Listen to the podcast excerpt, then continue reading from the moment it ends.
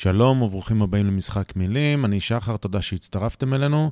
זה פרק מיוחד שחוגג שלוש שנים, היום ביום שחרור הפרק הזה שלוש שנים מאז ששחררנו את הפרק הראשון, ובפרק הזה עשינו, אירחנו אה, את המאזינים שלנו וביקשנו מהם לשאול אותנו שאלות, וזו הייתה שיחה והיה לנו ממש כיף. התרגשנו וזה היה נהדר לפגוש את המאזינים.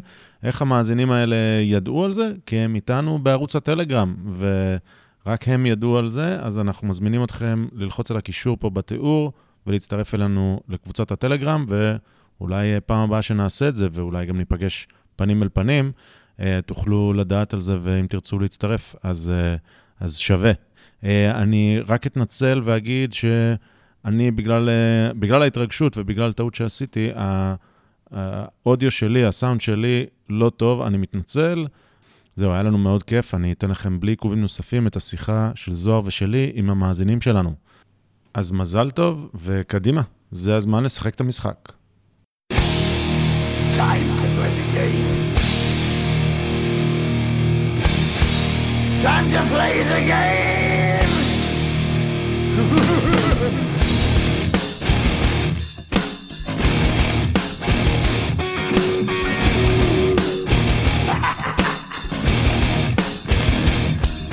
It's all about the game and how you play it. All about control. And if you can take it, all about your debt. And if you can pay it, it's all about pain. שלום וברוכים הבאים למשחק מילים, אני שחר ואיתי הפעם לא רק זוהר, אהלן זוהר. אהלן. מה נשמע? שומעים את הצלצול הזה ברקע. אני כן. מזכיר שזה הפודקאסט שבו אתה ואני מנסים להישמע יותר חכמים ממה שאנחנו ולא באמת מצליחים. ואם תחשוב על זה אפשר לפרש את זה לשני הכיוונים. אה, היום זה פרק מיוחד, עוקבנו בטלגרם, אה, רק בטלגרם למעשה, אה, ראו ושמעו והצטרפו אלינו למפגש מאזינים ראשון, פעם, פעם ראשונה בזום, פעם הבאה אני מקווה שזה יהיה לא רק בזום אלא גם אולי פנים אל פנים, אבל אנחנו היום חוגגים, מחר למעשה חוגגים שלוש שנים לשחרור הפרק הראשון, אז לא יודע באיזשהו טיימזון זה כבר היום, אז רצינו לפגוש את ה... את המאזינים, רובם בלי הוידאו פועל, אבל אנשים בטח ייכנסו, יצאו, יפעילו, יכבו, הכל טוב, אה, והמטרה הייתה לעשות איזשהו, אה, אה, איזושהי שיחה שהיא יותר מה שנקרא AMA, Ask us anything, אז AUA במקרה הזה, אז זו, זו מטרת השיחה, אין הרבה אג'נדה, רק ניתן ככה עדכון או מונולוג קצר אחרי ש... כמה חודשים גם היינו קצת אה, פחות פעילים, אה, אז, אז רק ניתן עדכון בענק, אה, שמי שמאזין לפודקאסט הזה זמן מה, ידע שאני שחר גרתי בארצות הברית, וזוהר היה מישראל, וככה היינו עושים את השיחות האלה למרחוק. אז לשמחתנו אני חזרתי לישראל, ואנחנו עדיין עושים את השיחות האלה מרחוק, כי זוהר עבר לארצות הברית. אז עשינו, עשינו הצלחה. אני אשתיק את, את המצטרפים האחרונים, שם אתכם במיוט. אז, אז הסיטואציה היא אותה סיטואציה רק הפוך, לא שזה משנה לכם הרבה, אבל אם תשמעו אותנו מדברים על זה, אז זו הסיטואציה. אה, ואני כתבתי לי כמה דברים שהם אולי טיפה פחות טריוויאליים לחזרה לישראל, מה הטוב, מה הטוב והרע. אה, אז הרבה אנשים יגידו את הדברים הברורים, את האמזון ואת החומוס וכל מיני דברים כאלה, אז אני אה, טיפה אנסה להגיד דברים קצת אחרים. הדבר הקשה בחזרה לארץ, אה, אחרי, אחרי הרבה שנים, כמה שנים, אה, הדבר הכי קשה הוא ללא ספק איכות האבוקדואים, ללא ספק. בארצות הברית תמיד יש אבוקדו האס, תמיד זמין, תמיד בשל, בארצות הברית אתה, סליחה, בישראל אתה במקרה נפלנו עכשיו על עונה של ההאס, אבל באמת צרה צרורה, קשה להתרגל. אה, קצת אה, יותר ברצינות בארצות הברית הדברים שקלים וטובים ובישראל זה לא קיים, בארצות הברית אפשר לברוח קצת. אה, אם משוגע בניו יורק או קר בניו יורק או לא יודע מה, מהומות בניו יורק, אפשר תמיד לברוח לפלורידה, ואם בפלורידה לא טוב, תברח למונטנה, אתה יכול, אתה יכול לחמוק, בישראל אנחנו לטוב ולרע נמצאים אחד על השני, אז אלה הדברים שקצת יותר קשים בחזרה לישראל. הדברים הטובים שבכוונה אני מסיים איתם כי אני מאוד מאוד שמח שחזרתי, אה, וזוהר בקרוב גם, מקווה שגם אתה תחזור, אז אין מה לעשות, זה הבית, לפה אני שייך, מה יש לי לחפש שם. זה ממש עמוק ורגשי ולאו דווקא רציונלי וזה אצלי לפחות מאוד מאוד בולט, אצלי ואצל משפחתי אז אנחנו מאוד שמחים. וזה מתבטא בכל מיני דברים קטנים וגדולים, אבל לדוגמה אה, הקהילה שמסביבנו, שגם אם אלה אנשים זרים לחלוטין, בגדול אנחנו סומכים עליה. אה, הדוגמה המובהקת שאני יכול להגיד עליה, להגיד אותה, אה, בארצות הברית כשהילדים היו בגן, לא, לא, היה, לא דמיינו סיטואציה בכלל שאנחנו נתקשר לאיזה הורה אחר, נגיד אנחנו מאחרים קצת מהעבודה, קחו את הילד שלנו לרבע שעה אליכם הביתה, אנחנו נבוא נאסוף אותו, זה בכלל לא היה בדמיון שלנו לא העלינו על הדעת, ויותר מזה, אפילו לא הכרנו את ההורים של, ה, של החברים של הילדים שלנו. אז זה ממש הקהילה שלנו היא הרבה יותר אה, מנותקת, ברור לי שיש גם קהילות קצת שהן יותר סגורות, בטח של ישראלים שמייצרים כאלה קהילה ישראלית בארצות הברית, אבל לנו זה לא היה. אה, אה, זהו, והדבר הנוסף שממש טוב בחזרה לישראל זה השיטה המטרית, אז מאוד, מאוד שמח על חזרה לזה. אוקיי, זאת הייתה איזושהי הקדמה קצרה, כן, אתה רוצה לתת מהזווית שלך? אני אוסיף, קודם כל, אני פה רק כמה חודשים, תשעה חודשים שאני פה כבר, מדהים איך הזמן עובר, אבל אה, חד משמעית הרגשה של, של ביטחון, בטיחות, ללכת ברחוב, אה, אני בניו יורק עכשיו, אז ולא לא חייב, חייב להגיד שאני לא מפחד ללכת ברחוב בשום שלב, אבל אבל זו תחושה אחרת, לא יודע, בבית, להסתובב בתל אביב, אה, מרגיש שהייתי יכול לעשות בכל שעה איך שאני רוצה ו... וזה הרגיש הרבה יותר, הרבה יותר טוב. אה, אז כן, לזה אני כבר, כבר מתגעגע. Okay. אוקיי. אה, ו... לא שבכל מקום בארץ נוח ללכת ברחוב באמצע. לא בכל מקום בארץ, אבל כן. בבית. מה רציתי להגיד עוד שלוש שנים לפודקאסט. וואו, כאילו, כל, כל מה שאתה אומר את זה, כל, אני מדהים, באמת. כן. אה, מרגיש לי כאילו התחלנו ממש לא מזמן. כן, אז בואו בוא נזרום לזה. השיחה צריכה להיות, אה, מי שיבקש את רשות הדיבור יקבל אותה. אנחנו רוצים שתשאלו אותנו מה שאתם רוצים, בשאיפה פחות דברים אישיים, אה, לא, לא מבטיח שנעלה או לא נענה על דברים אישיים, אבל דברים ברומו של עולם, אם אפשר. אה, אנחנו, כמו שזוהר אמר, שלוש שנים עושים את הפודקאסט הזה, התחיל כמשהו תחביב כיפי, עדיין תחביב, עדיין כיפי. אה, אנחנו מאוד גאים במה ש... שהוצאנו פה עד כה, והאמת אה, מאוד מאוד התרגשנו לקראת השיחה הזאת, ועם חשש שיעלו, לא יעלו, אבל אה, באמת פרפרים בבטן ממש ככה ב-8.55 לפני שהשיחה התחילה, פרפרים בבטן, אז ממש שמחים למי שמאזין, ממש שמחים למי שעלה, ו... ובואו נתחיל, אני חושב שאם לא השתמשתם בזום יש לכם, אה, מי שלא משתמש בטלפון לפחות, אה, אמור להיות לכם למטה כזה כלי להרמת יד, אתם יכולים לעשות את זה ככה, או אה, פשוט לעשות לעצמכם unmute ולשאול אותנו שאלות, אה, מי יהיה הראשון שיפרוץ את הסכר. דימה, אני אשאל משהו, איך אתם, אה, אהלן, נעים מאוד, אביב, אני אה, אח של אה, שחר וזוהר במקרה. אוקיי. ורציתי לשאול, האמת, מה קורה? רציתי לשאול איך אתם מגיעים לכל המרואיינים, כאילו מה המקורות ומה התהליך של להביא אותם לפודקאסט, כמה זה בלאגן, וזהו, זו לא שאלה שהכנו מראש. אוקיי. בלאגן זה לא, אבל זה לפעמים מאכזב, לפעמים אתה יוצר קשר ראשוני ואומרים לך בטח, סבבה, ואז נעלמים. אה, אני רואה שליאור גם שאל שאלה בטקסט, עוד שנייה נענה עליה. אה, אז, אז לפעמים אתה כן מצליח ליצור קשר, לפעמים זה אחרי מרדף כזה או אחר, ואז אתה לא מצליח לעשות פולו-אפ, ושיחה שתכננת לא קורית, או אפילו שיחה שנקבעה כבר, ואז ברגע האחרון מישהו היה צריך לבטל, זהו, לפעמים אתה איבדת את ההזדמנות, אז נגיד בחודשים האחרונים זה קרה לנו כמה פעמים, אה, אז זה לפעמים קצת מתסכל. אה, אנחנו מנסים, א', התחלנו עם פייסבוק רחמנא ליצלן וטוויטר לנסות לשלוח מסר אישי ויש לנו קאדר אה, של אורחים שהוא כבר די מכובד ואנחנו לפעמים מנסים לנצל אותם, אולי תחבר לנו את, ההיא, את ההוא, אה, אז אז בגדול ככה זה עובד, לפעמים דרך קשרים באוניברסיטה או כל מיני כאלה. זוהר, משהו להוסיף? היו הרבה כאלה שפנינו אליהם ופשוט התעלמו מאיתנו באלגנטיות, יש לי עדיין כל מיני הודעות, הודעות ישירות בטוויטר ששלחתי לאנשים ולא קיבלתי תגובה. אבל כן, זה, זה, זה הרבה פשוט לפנות לאנשים או מכרים של מכרים, כל מיני כאלה. בדרך כלל ככה זה קורה. אוקיי, ואתם מציגים להם, אבל הם יודעים למה הם באים בדיוק, והם תיאום ציפיות פשוט, או שיש כאלה שנרתעים מה... כאילו, מהפורמט, מהחשיפה שיש, לא יודע.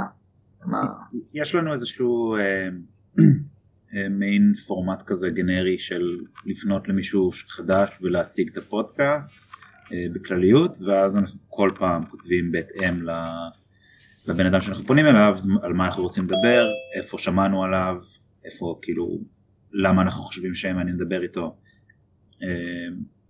אז, אז יש איזשהו introduction כזה מאוד ראשוני בפנייה הראש, הראשונית. יפה. שאלו אותנו בטקסט אז אני אקריא. ליאור איי שואל אמרתם שיש לכם חומר רב עבור מצעד הטרללת, האם תוכלו לקיים בקרוב פרק א' וב' בנושא? אז דבר ראשון מצעד הטרללת זה, לא יודע, אפשר אולי לשנות את השם של הפודקאסט למצעד הטרללת, זה TM מה שנקרא, גם פרקים שאנחנו יחסית מאוד גאים בהם, אני חושב שזה פרק כניסה ממש טוב לאנשים שלא מאזינים לפודקאסט, בשבילכם המאזינים להפיץ ולהוציא מצעדי הטרללת הם תמיד כזה אני לפחות הצלחתי להביא כל מיני אנשים להאזין לפודקאסט באופן קבוע או די קבוע בזכות פרקי מצעד הטרללת. אנחנו מאוד שמחים על הפרקים האלה ואותנו מאוד מענה לעשות אותם. יש לנו חומר לא לשני פרקים, להרבה יותר, אז אנחנו עושים סדר. כמה זה קל לאסוף את זה, אה? כן, זה ממש, זה ממש קל, ולא יודע, יש פה, יש לי אולי דעה שהיא קצת יותר שנויה במחלוקת, מבחינתי כל השנתיים האחרונות הם מצד טרללת אחד גדול, אבל, אבל לא, לא נדבר על זה, גם בלי כל מה שקשור למחלוקת הכבדה של קורונה לא קורונה, יש כל כך הרבה מה לעשות בטרללת, ואנחנו בקרוב נעשה פרק אחד, ואני חושב שזמן קצר אחר כך נעשה עוד אחד, כי אלה פרקים שדורשים קצת הרבה זמן כדי, ש... כדי שהפרק יזרום אנחנו צריכים לדעת מי אומר מה ומה הדגשים בכל דבר, לכן אנחנו, גם אני חושב שלהוציא אותם אחד אחרי השני זה ממצה את עצמו, אני לא רוצה שזה יהיה יותר מדי מתיש, נראה לי שייקח ייקח איזה חודשיים בין פרק אחד לאחר, ומצד טרללת לדעתי ימשיך, אין, זה, זה לא, לא נראה שהטרנד הזה ייגמר, וחוץ מזה ליאור אומר שאביב הוא שתול. יפה. נועם שואל מה אנחנו עושים בחיים. אה, רגע זוהר, רצית לענות עוד על מצעד הטרללת? אה, רציתי להגיד שבאמת כאילו, אנחנו בקרוב מתכננים לעשות אה, פרק נוסף, אה, אבל בכלליות, אם יש לכם משהו שראיתם ואמרתם וואו, לא יאומן שזה ככה, תשלחו לנו ונשמח מאוד אה, לבחון את זה, סביר שיש לנו את זה כבר ברשימה, אבל, אה, אבל נשמח להוסיף אם אין לנו. אנחנו אגרנים. כן. מה אתם עושים בחיים, זוהר? אני אתחיל. אז אה, אני באקדמיה. אמ, סיימתי את הדוקטורט לפני שנה בערך אה, בביוטכנולוגיה ועכשיו אה, בגלל זה אני פה בניו יורק אה, באוניברסיטת קולומביה עושה פוסט דוקטורט עכשיו. התוכנית היא אמ, להיות מספיק לפרסם מספיק טוב בשביל שאני אוכל לחזור לארץ ולהגיש מועמדות לאחת האוניברסיטאות בארץ בעדיפות לאוניברסיטת תל אביב, כי אני, אנחנו תל אביבים, born and raised, אמ, אז, אז זו המטרה, אמ, כרגע אני יכול לספר טיפה מה אני אעשה בגדול, אמ, מתעסק ב... DNA Nanotechnology, אנחנו, אתם יכולים לחפש, לעשות בגוגל DNA אוריגמי, למי שרוצה, זה ממש מגניב, משתמשים ב-DNA, במולקולות של DNA בשביל ליצור חומרים חכמים, פלטפורמות לשליחה של תרופות,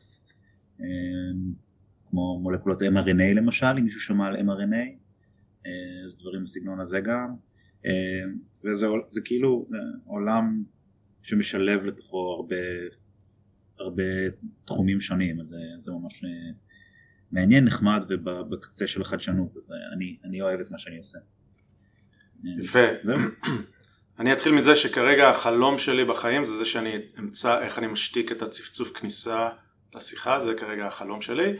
אה, אם מישהו יודע איך אני משתיק את זה אז זה יעזור. על מה אני עושה בחיים, אני עובד בחברת הייטק אה, שמבוססת בתל אביב. אה, הקמתי את המשרד האמריקאי של אותה חברה, אני היום בתפקיד VP בחברה הזאת. אני לא רוצה לתת המון פרטים סתם כי אני, אני אגיד על זה מילה, אני בגדול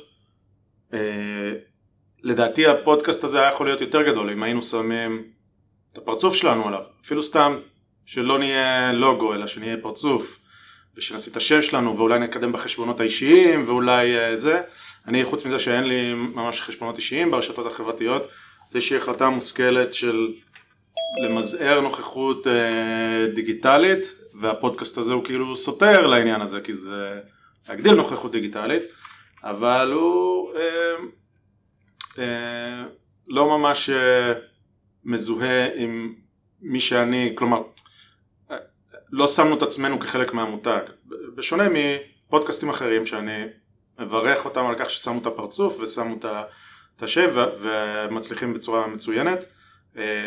אני לא אומר שזו הסיבה ש... שלא גדלנו יותר, למרות שיש לנו כמות מאזינים יפה, אנחנו מבסוטים ממנה, היינו יכולים להיות לדעתי יותר גדולים. וזהו, זה, אני פשוט מנסה לשמר את ההפרדה הזאת בין הפודקאסט לבין חיי האישיים ולכן אני אסתפק בזה בהייטק אה, בתל אביב. חברה שעושה חייל, גאווה ישראלית. אה, אוקיי, שאלה הבאה של A, רוצה להקריא אותה? אני אקריא? אני אקריא. מה הפרק שהמרואיין הכי הפתיע ומה הייתה ההפתעה? זוהר, תתחיל. כן. אמ, קשה, קשה לענות על זה קצת. אני יכול להגיד אולי, אה, הפרק שעשינו עם ריקי ממן אה, בנושא חינוך, אני זוכר שכאילו זה, זה הפתעה אבל פשוט כי היה לי ציפיות נמוכות קצת אני חייב להגיד כי חינוך זה מעניין אבל כאילו כמה מעניין זה יכול להיות. אה, אני לא איש חינוך זה לא משהו שאני מתעסק בו ביום יום עדיין אין לי ילדים אז כאילו זה, זה, זה ללא ספק מעניין אותי, אבל לא, לא היו לי ציפיות גבוהות מהפרק הזה, והשיחה עם ריקי פשוט זרמה והייתה כיפית והייתה מעניינת וממש נהניתי מהפרק הזה, זה כזה אחד שזכור לי לטובה. אוקיי. אה, אני אתן שני פרקים, שני אורחים. Uh, במקרה אני חושב שזה שני האורחים ש... במקרה או שלא במקרה. שני האורחים שהייתה לי הכי הרבה אי הסכמה איתם. אה, ואני מדבר על יאיר גולן ועל אה, אה, עורך דין מאיר רובין, חבר הכנסת יאיר גולן ועורך דין מאיר רובין, מסיבות שונות. יאיר גולן, פרק שהיה מי שלא שמע, אני מעריך לפני שנתיים, נכון? לפני סבב בחירות כלשהו, והיה לנו חצי שעה וניסינו למקסם ואז כל הזמן זה התארך, הנה קחו עוד חמש דקות, עוד חמש דקות ככה בהודעות שלחו לנו. אז כל הזמן לא יודעים איך, אה, איפה להיכנס כי מבחינתי בגדול כמעט כל מה שהוא אמר אה, יכולתי לאתגר או לא, או לא הסכמתי איתו. אז גם הייתה הפתעה של הבנה של שכמה חסרה לי מיומנות בניהול אה, ראיון כזה לעומתי כי כי לא רציתי להיות, להתעמת יותר מדי, רציתי לתת לו להשמיע, אבל זה, זה אומנות ולא היינו שם ואנחנו גם היום לא שם. יש עוד הרבה מה להשתפר, אבל גם אה, אה, אני קצת התרשמתי לטובה אה, מזה שהוא איש ספר יותר ממה שציפיתי. כך זה נראה. עכשיו לדעתי אה, דמות שלא הייתי רוצה בציבוריות הישראלית בשום צורה, אבל מפה הייתה ההפתעה שלי כי, כי הוא קצת נראה לי יותר משכיל ממה שציפיתי. הוא, הוא, אה, ציפיתי לו יותר בורות, אבל לדעתי זה פשוט אה, אה, מצפן משובש, פחות בורות. אה, אז, זה הראשון, זוהר רצית להעיר משהו? אני אגיב על, על הפרק הזה כי זה פרק שקיבלנו עליו הרבה תגובות יחסית, אה, כי לא אתגרנו אותו וזה, אז בכלליות המטרה של הפודקאסט, אני שאנחנו, אמרתי, אנחנו כותבים לאנשים, פונים אליהם פעם ראשונה, אנחנו מציגים את הפודקאסט אה, למי שאנחנו פונים אליו, אנחנו אומרים, שם חלק מהמטרה של הפודקאסט זה לא ראיון של חמש דקות עם אה, click, click baits ויוצאים, אוקיי אנחנו חייבים לצאת לפרסומות ומשפט אחרון, אלא לתת לאנשים להעביר את המסר שלהם, להסביר אותו לעומק, כאילו להיכנס לתהליך המחשבה שלהם, רק לא, לא להבין את הנקודות, אלא להבין מעבר לזה.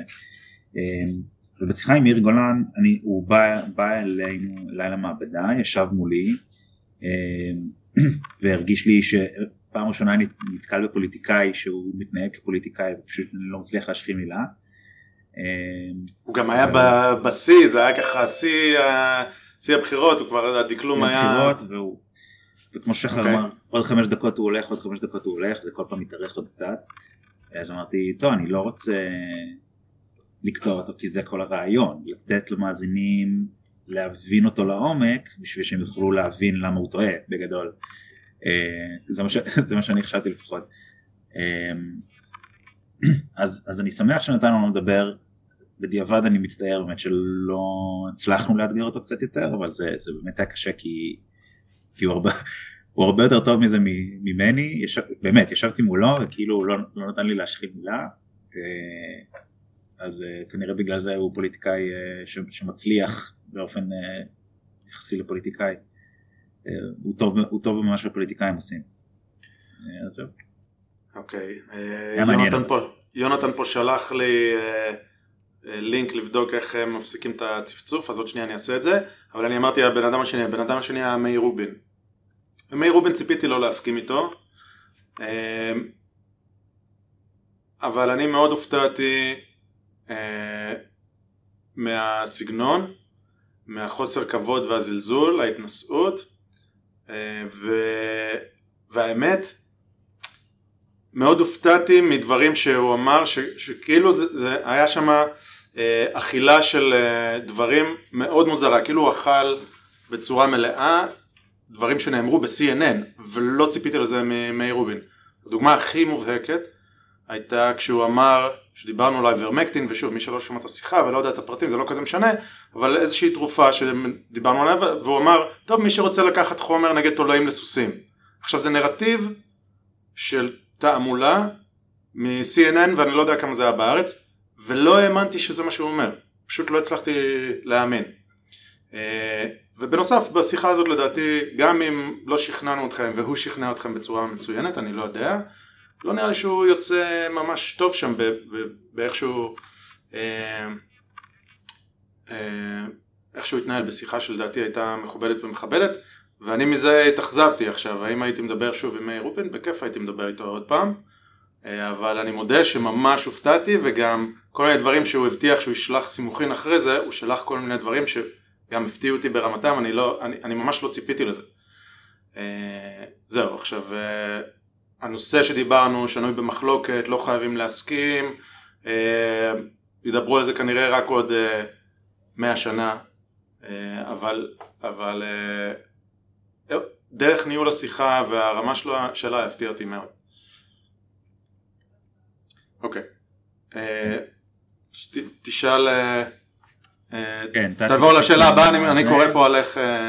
תקריא בינתיים מה כותבים. כן. אז נתן אומר שבכל זמן שעובר חומר של הטרללת שיש לנו התיישן לגמרי ויהיה לנו כל כך הרבה חדש אז באמת יש לנו הרבה מאוד חומר ואנחנו צריכים ככה לעבור ולסנן ולדרג מה מה בעדיפות גבוהה, מה בעדיפות נמוכה וזה הרבה עבודה, אבל, אבל זה גם כיף.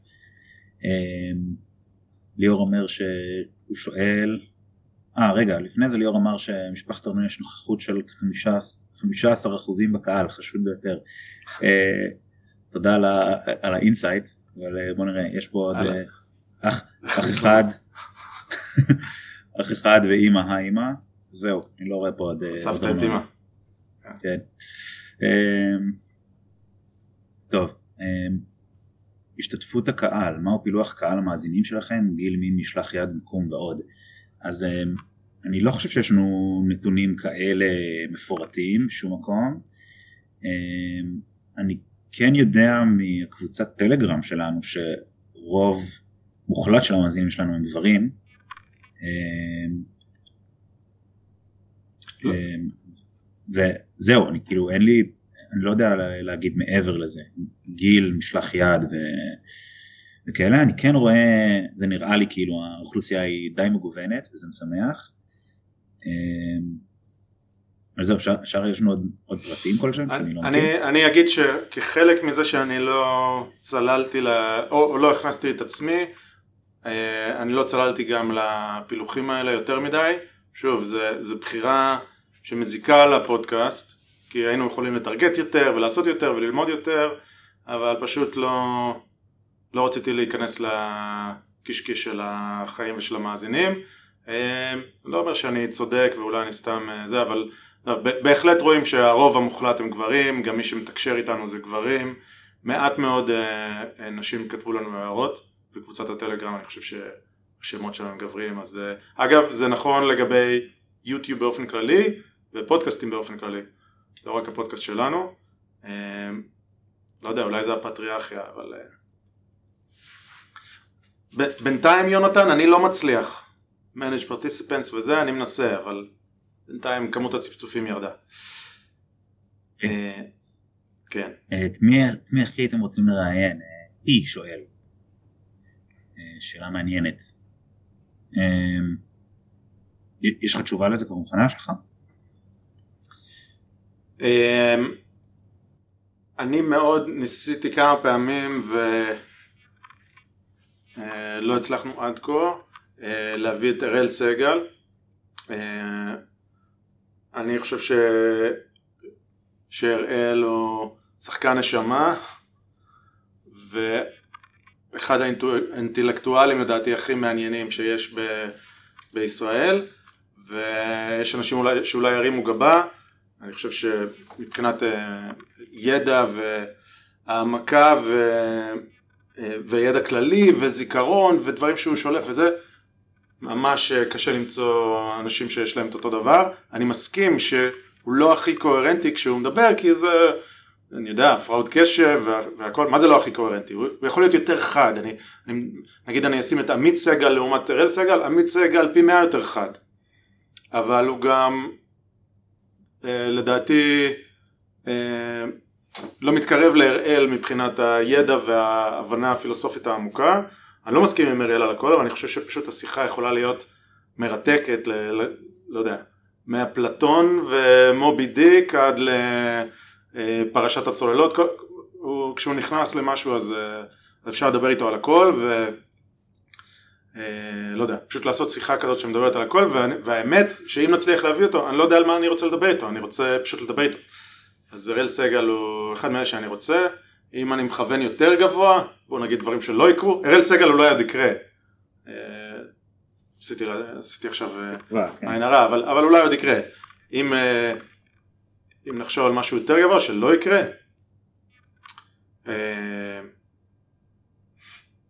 לא יודע, אני כבר הרבה זמן אומר שביבי אה, נתניהו צריך ללכת לג'ו רוגן, אז אם הוא לא ילך לג'ו רוגן אולי הוא אצלנו, ווואלה, אולי גם נפתלי, נפתלי בנט ש, שיבוא, יאיר לפיד, אה, לא יודע, הייתי, כן. הייתי רוצה, זה, באופן כללי, אחרי כל התשובה הזאת, ואני אתן לך לענות, באופן כללי הפודקאסט שלנו היה אמור להיות הרבה יותר uh, יינג ויאנג. רצינו הרבה יותר אנשים שלא מסכימים איתנו, ואני אומר לכם שא' קשה לגרום להם לבוא, כי הם לא רוצים כן. לבוא, אה, ולא עונים הרבה פעמים, וזה, ו, וזה סוג של... אה, היה לנו כבר הבטחות ל... גם הבטחות, אבל גם... קונקרטי, להיפגש, לדבר וזה, ונעלמו לנו. נעלמים, אבל, אבל גם אה, אדם גולד אה, כותב, אה, האבטר של... שמי שלא עוקב ממליץ, אה, אומר שהאג'נדה היא למנוע את השיח, לא, לא לנצח בו. אז, אז אני לא יודע, אני, אני חושב שזה במידה רבה נכון, זה לא נכון לגבי כולם, זה לא נכון לגבי כל נושא, אבל במידה רבה זה נכון. ופשוט לא, ברגע שמסתכלים על התיאור שלנו, או מסתכלים כמה פרקים אחורה, זה מה שאני מנחש, פשוט מפסיקים לענות לנו. זה מה שאני חושב. הבעיה השנייה היא בעיית התיבת תעודה. אז כן, אני, לא, אני אישית לפחות, ואני יודע שגם אתה זוהר, מנסה לא לחיות בתיבת תעודה וכן לראות אה, אנשים שחושבים אחרת, אבל אני יודע חד משמעית שנגיד ההוגי דעות נגיד מהצד הימני השמרני שהם מספיק אה, נמוכים בשביל לבוא לפודקאסט הצנוע שלנו, כן? אז אני מכיר אותם. אבל הוגי דעות בצד השמאלי שהם אה, tier כאלה שיבואו אלינו אולי, אני, אני בטוח שאני פחות מכיר. אה, והאמת, אלה שאני מכיר לא, נשמע, לא נראים לי מעניינים. הייתי רוצה את ה top tier ושם אנחנו קטנים מדי לצורך העניין. אז אה, מי עוד היינו רוצים לראיין? אולי הייתי רוצה לראיין, לא יודע, איזה, איזה אהרון ברק. כן, קרמניצר. זהו, אני, אני כאילו, התשובות הרגילות של אה, ביבי, לפיד, בנט וזה, זה כאילו, ברור שזה יהיה מעניין מאוד, אבל אני מנסה לחשוב על מה יעניין אותי, זה בעיקרון הקו שמנחה אותנו, ניסה, ניסינו שינחה אותנו לפחות בפודקאסט, וכן, אה, הלכנו הרבה מאוד לאקטואליה, וקורונה, ופוליטיקה וכאלה, אבל יש לנו גם שיחות אה, הרי עם פיזיקאים ועם פסיכולוגים וכל מיני כאלה. ואלה דווקא שיחות ש... שמאוד מעניינות אותי. אמ, הייתי רוצה, לאחרונה אני ככה קצת יותר מתעניין בכל מה שקשור בקריפטו קרנסי וכאלה. הייתי רוצה להביא אולי מישהו שהוא אה, עם ידע עמוק וגם יודע לדבר וזה שיפרק את זה ויסביר את זה אה, לעומק ולרוחב, אה, יותר, יותר אבל כשיחה פילוסופית ולא, ולא כשיחה טכנית. אה, כי זה נשמע לי, כאילו, שוב, זה תחום שמעניין אותי וזה זה, זו המטרה של הפודקאסט, לעניין אותי ואת שחר. זה נראה לי התשובה שלי. אוקיי, okay. אני חושב שאחד הפרקים הטובים והמספקים שהיו לנו היה בפיזיקה קוונטית עם פרופסור אשר יהלום. אני לא יודע כמה כן. הוא היה יותר מדי למטיבי לכת, אני קשה לי להגיד, אבל מבחינתי זה היה אחלה פרק ופיזיקאים, לדבר איתם על דברים כאלה. כן, היה ממש מעניין עם אפרים אה, פודוקסיק. ועם אפרים פודוקסיק, וואו, מדהים. היה כן. ממש מעניין גם. יש לנו כמה פרקים טובים, אני חייב להגיד. אה, אם אה. לטפוח לעצמי על השכם. אוקיי. יפה. נתן או נייתן שואל על אילו נושאים אתם רוצים לשוחח, לשוחח עם מרואיינים, האם נושא היום, אידיאולוגיה כללית, קורונה, ביטחון. אז אני, באופן כללי, קיבלנו ביקורת על זה ש... וזה בעיקר אני, פחות זוהר, פיתחנו אובס... אובססיביות לקורונה. אה, וזה לא ביקורת אה, תלושה, אני לא חושב שאובססיביות, אבל ללא ספק זה ממלא יותר ויותר מה... מהאג'נדה שלנו, גם בערוץ טלגרם, גם בפרקים, רואים את זה בצורה מובהקת, אי אפשר להתחמק מזה. אה, הרבה חודשים לא, לא כתבנו ש... ולא עשינו שום דבר על קורונה.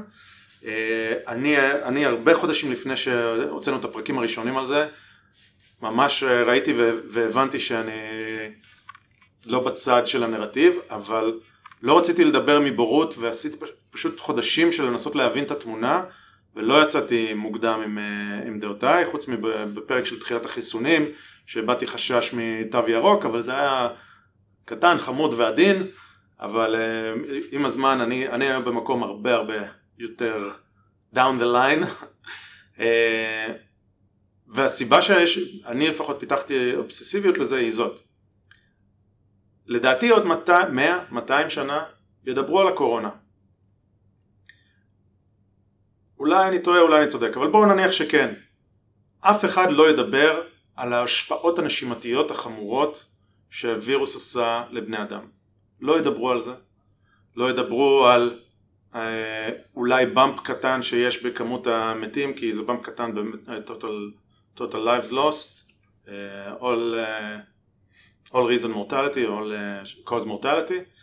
אה, לא ידברו על זה. לדעתי ידברו על זה כרגע מכריע, ואני לא יודע אם קריסתו של המערב, או בהפיכתן של מדינות מסוימות לאוטוקרטיות, או לא יודע מה, אני חושב שזה קורה בצורה מטורפת בכמה מדינות. אני מקווה שזה לא יקרה בישראל. ועכשיו, אם, אם אני צודק, יכול להיות שאתם לא מסכימים איתי, אבל אם אני צודק, אי אפשר לא להיות אובססיבי לדבר הזה. אם זה מה שאני חושב, אז אין נושא יותר חשוב.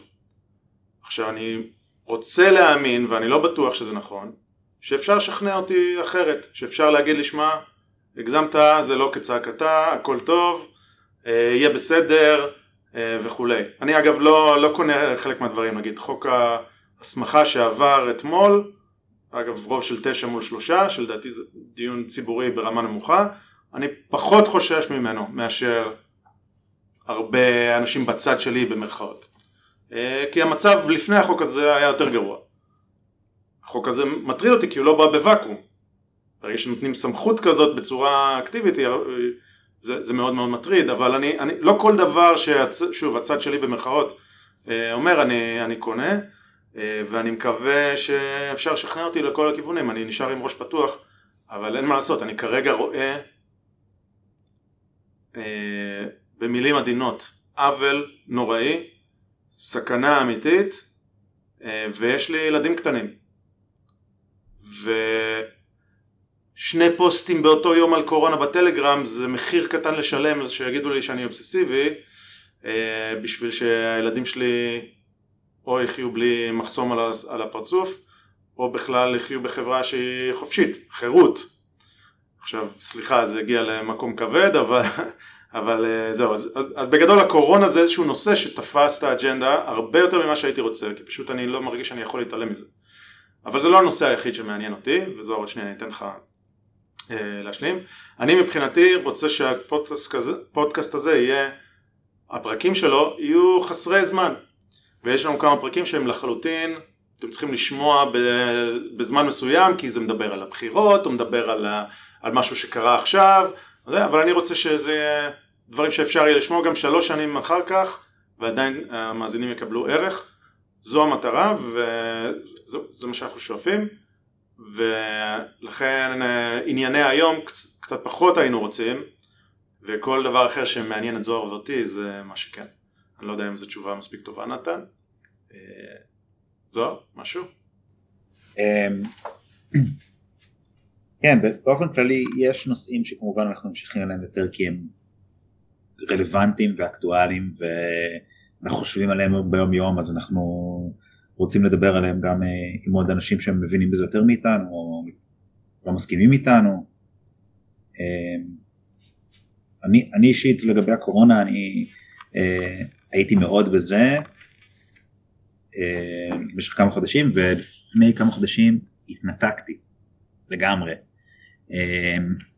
אמרתי זה פשוט מעסיק אותי יותר מדי אני מקבל כל כך הרבה מידע ומתעצבן כי אין היגיון, הכל מטומטם, פשוט אמרתי אני מפסיק, הפסקתי להתעדכן לגמרי, אה, לאחרונה נכנסתי בזה שוב כי, כי פה באוניברסיטה אה, סוג של מכריחים אותנו לקבל את הבוסטר ואני לא רוצה.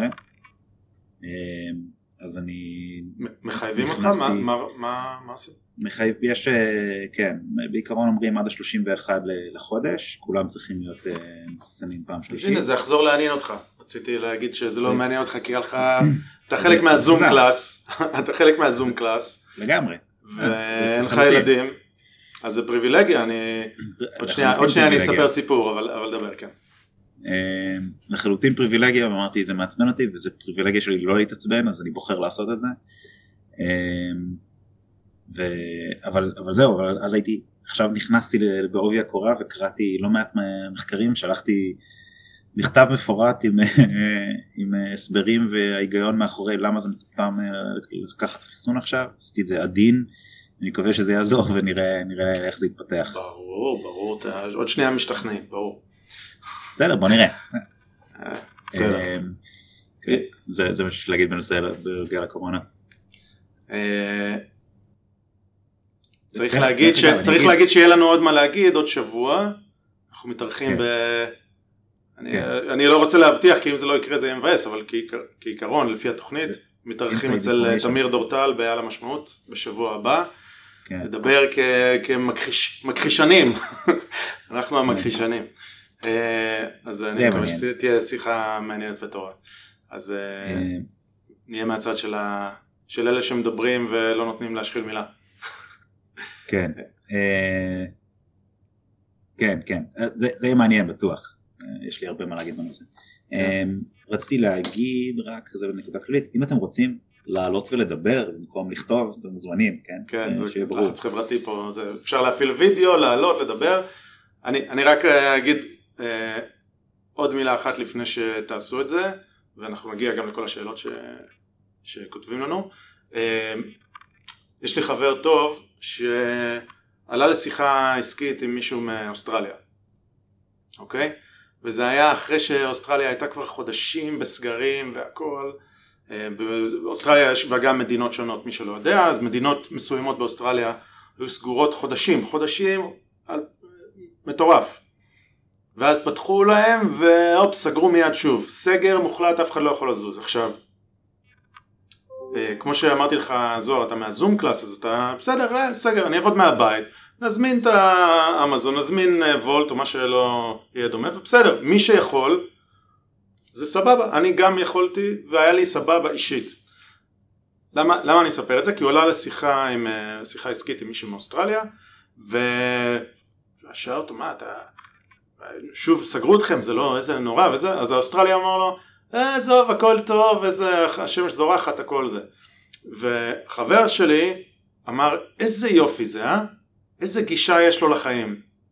איזה הלוואי וכולנו היינו כמו אוסטרליה.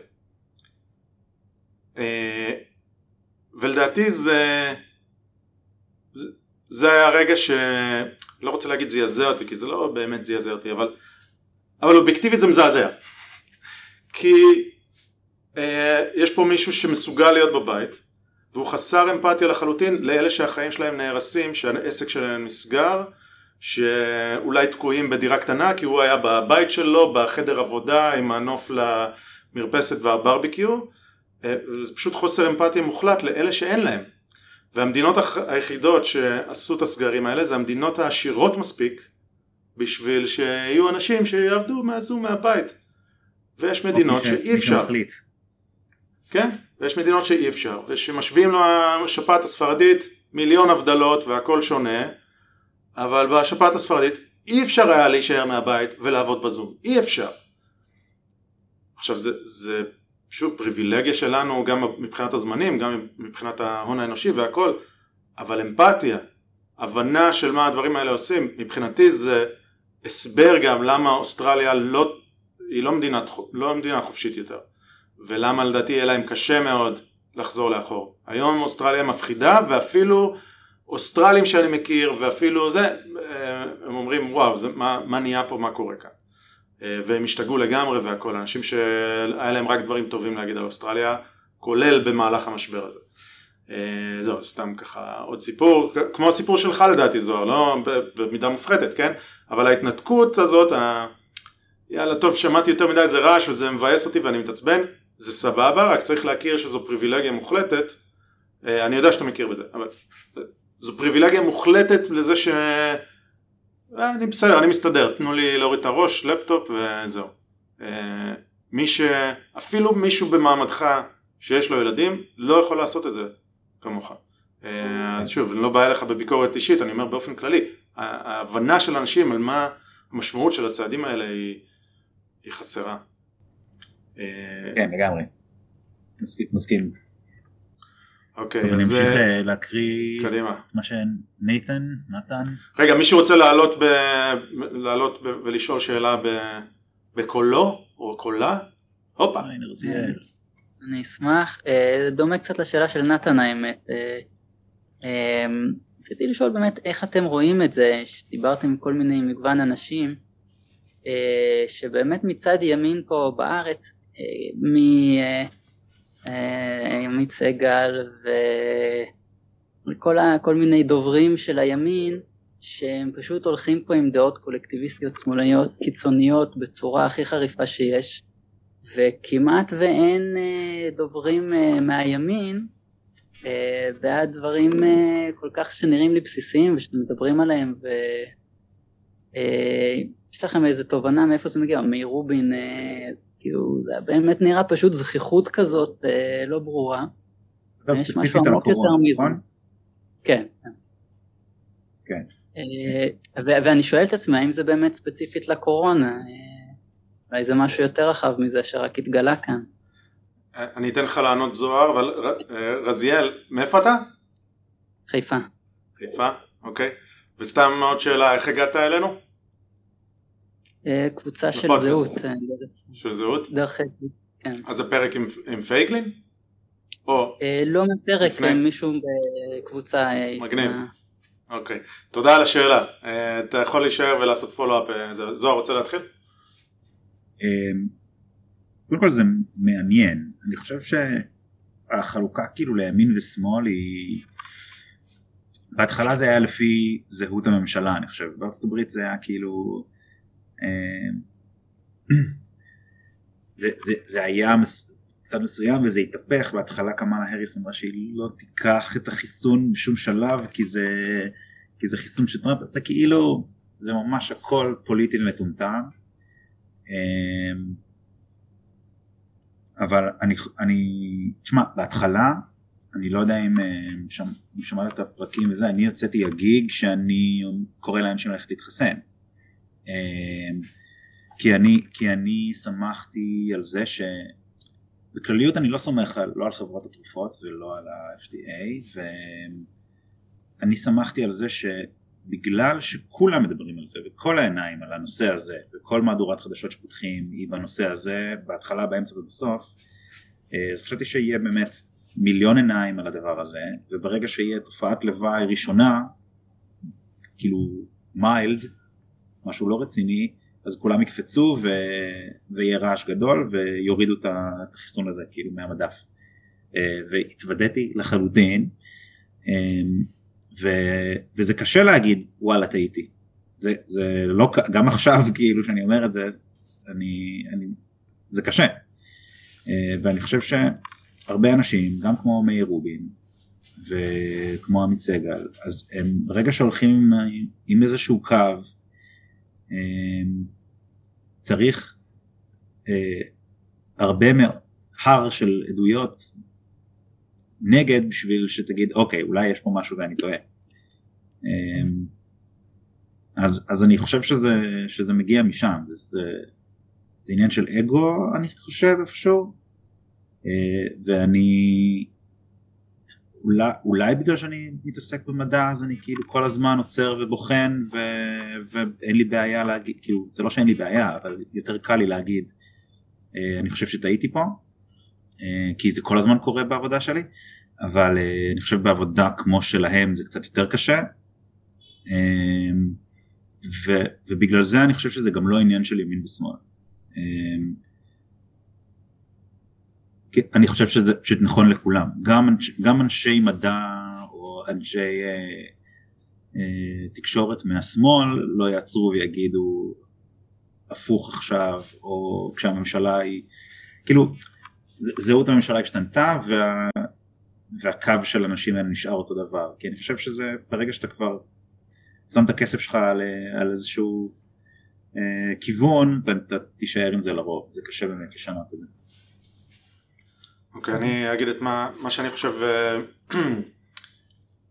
שאני, משהו שאני לא בשל איתו לחלוטין אבל זאת התיאוריה ההגותית שלי ב...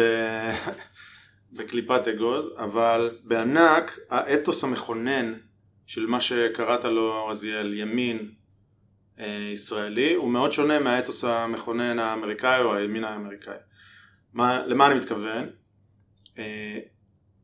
אה, ארה"ב קמה ובעיקר אל, אלה שיש להם אה, תודעת חירות אמריקאית, אלה שזה, היא קמה כדי לפתור אותנו, אותנו האמריקאים, מממשל ריכוזי מרכזי, אה, הממשלה היא אה, מה שצריך להטיל בו ספק, מסמכי הפדרליסט הם עושים הכל כדי להגביל את כוחה של הממשלה ולתת לה את הכוח הכי מוגבל ושהממשלה, ממשל, ממשלה, תהיה כפופה לחוק, שכפוף לחוקה והחוקה כפופה לעם, אוקיי?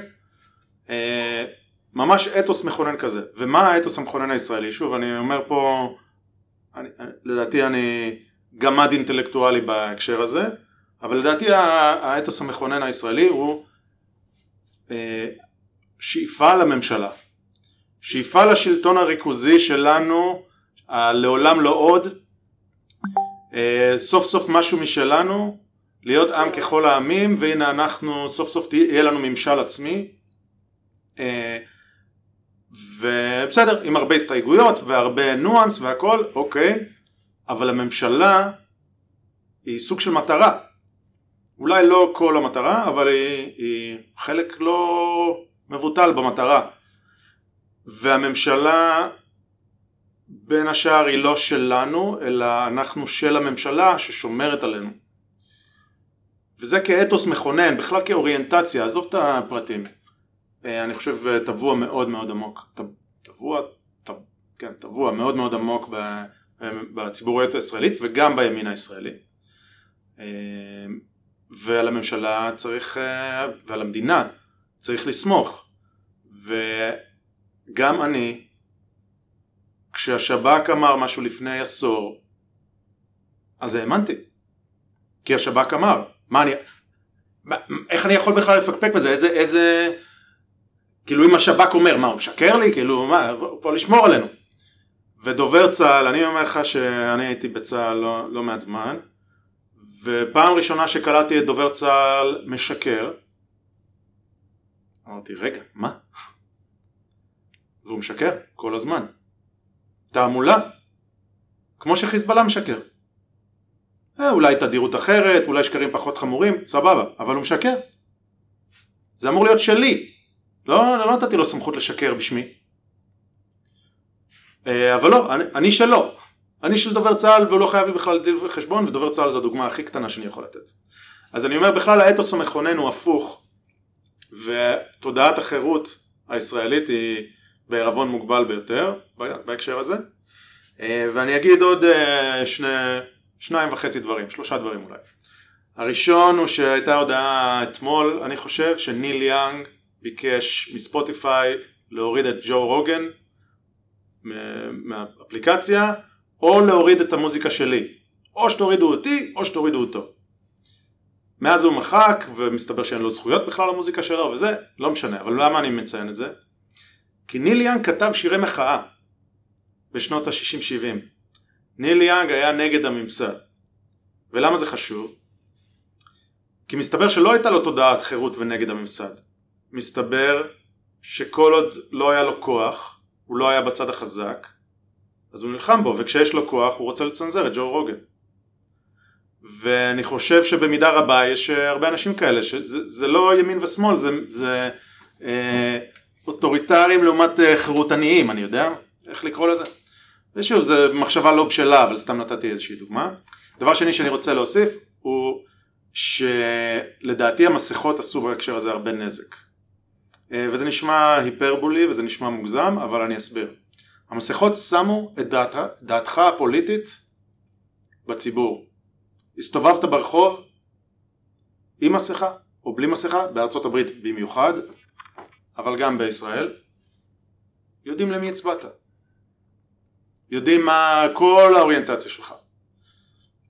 עכשיו בישראל כשאתה רוצה להיות בצד של הממשלה או בוא נגיד אתה רוצה להיות בצד אה, אה, השמרני בטיחותי צריך למנוע סיכונים נכון אנחנו הדבר השמרני לעשות הוא להיזהר זו, זו הייתה חלק מהטענה גם חלק מהטענה המרכזית של מאיר רובין לפחות בהתחלה אה, ושוב אני מצטער שאנחנו מציינים אותו בשמו פשוט כי זו שיחה רלוונטית אה, הדבר השמרני הוא להפחית סיכון וזה אז בואו נעשה את הצעדים הכי חמורים כדי, כדי להפחית סיכון והמסכה בעצם היא בחירת צד.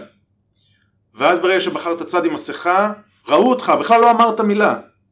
אבל פגשת מישהו עם מסכה, אתה, אתה כבר באיזושהי קבוצה, אז אני חושב שזה היה הרבה יותר קשה להיות עם מסכה ולפקפק, או להיות בלי מסכה ולהיות און בורד חלק מהדברים, וזה, אני חושב שזה יצר, שוב בישראל לא חוויתי את זה פה במשך אה, שנה וחצי, שנתיים, חוויתי את זה יותר בארצות הברית, אבל שם זה היה פשוט, זה... אם מישהו היה צריך לתכנן איך ליצור כיתוב וזה, הוא לא היה הוגה משהו מבריק כמו המסכה, אוקיי? Uh, הדבר השלישי שאני אגיד, uh,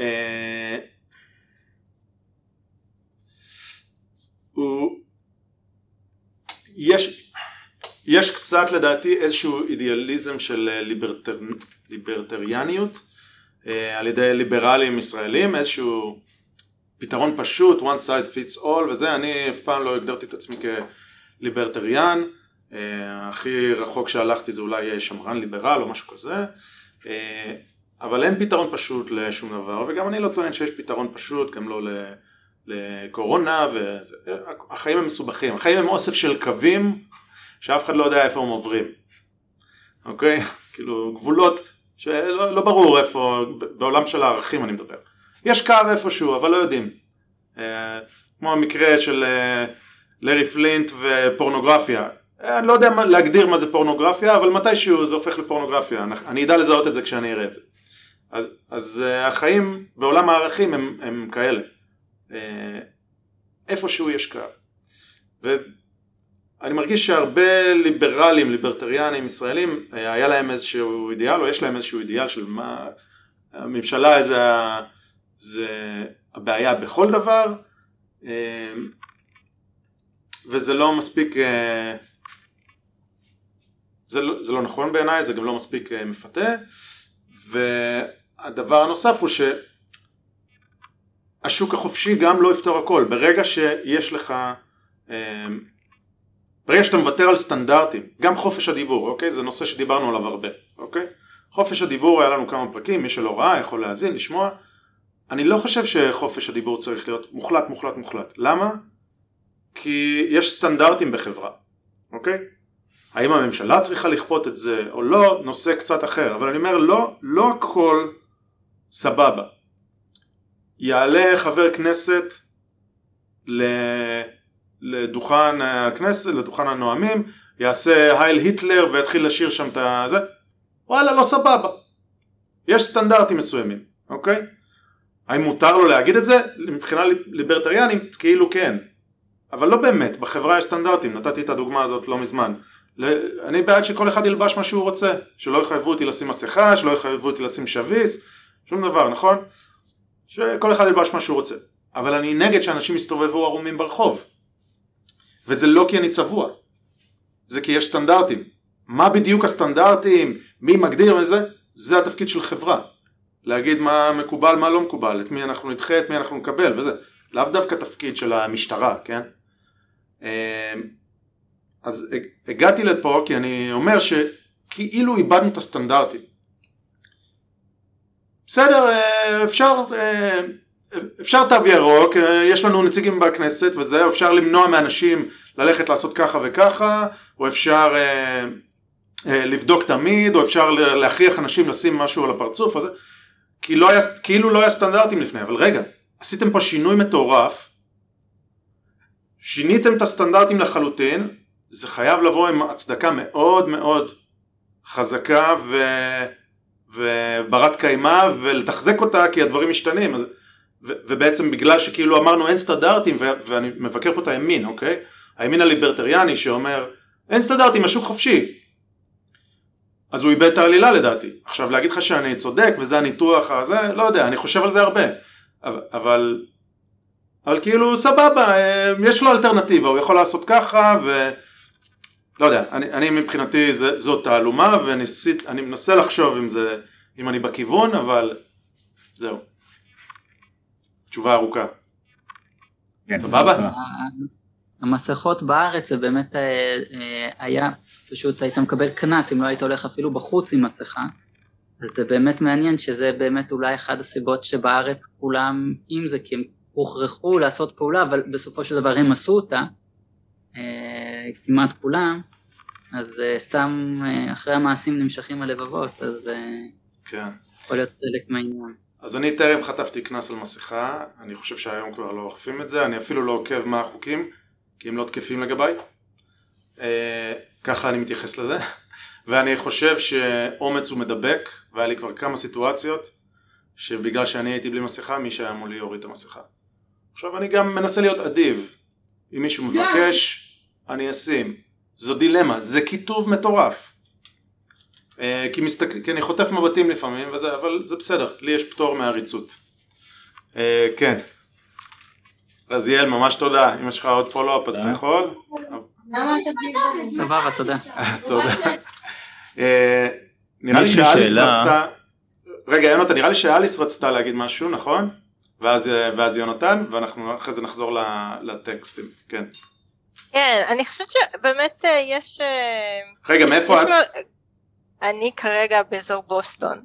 בוסטון. והקטע של באמת איך הדברים אה, נראים מפה ביחס לאיך שדברים נראים כאילו מישראל אני חושבת שאני מאוד מסכימה עם הניתוח כאילו שלך של ה...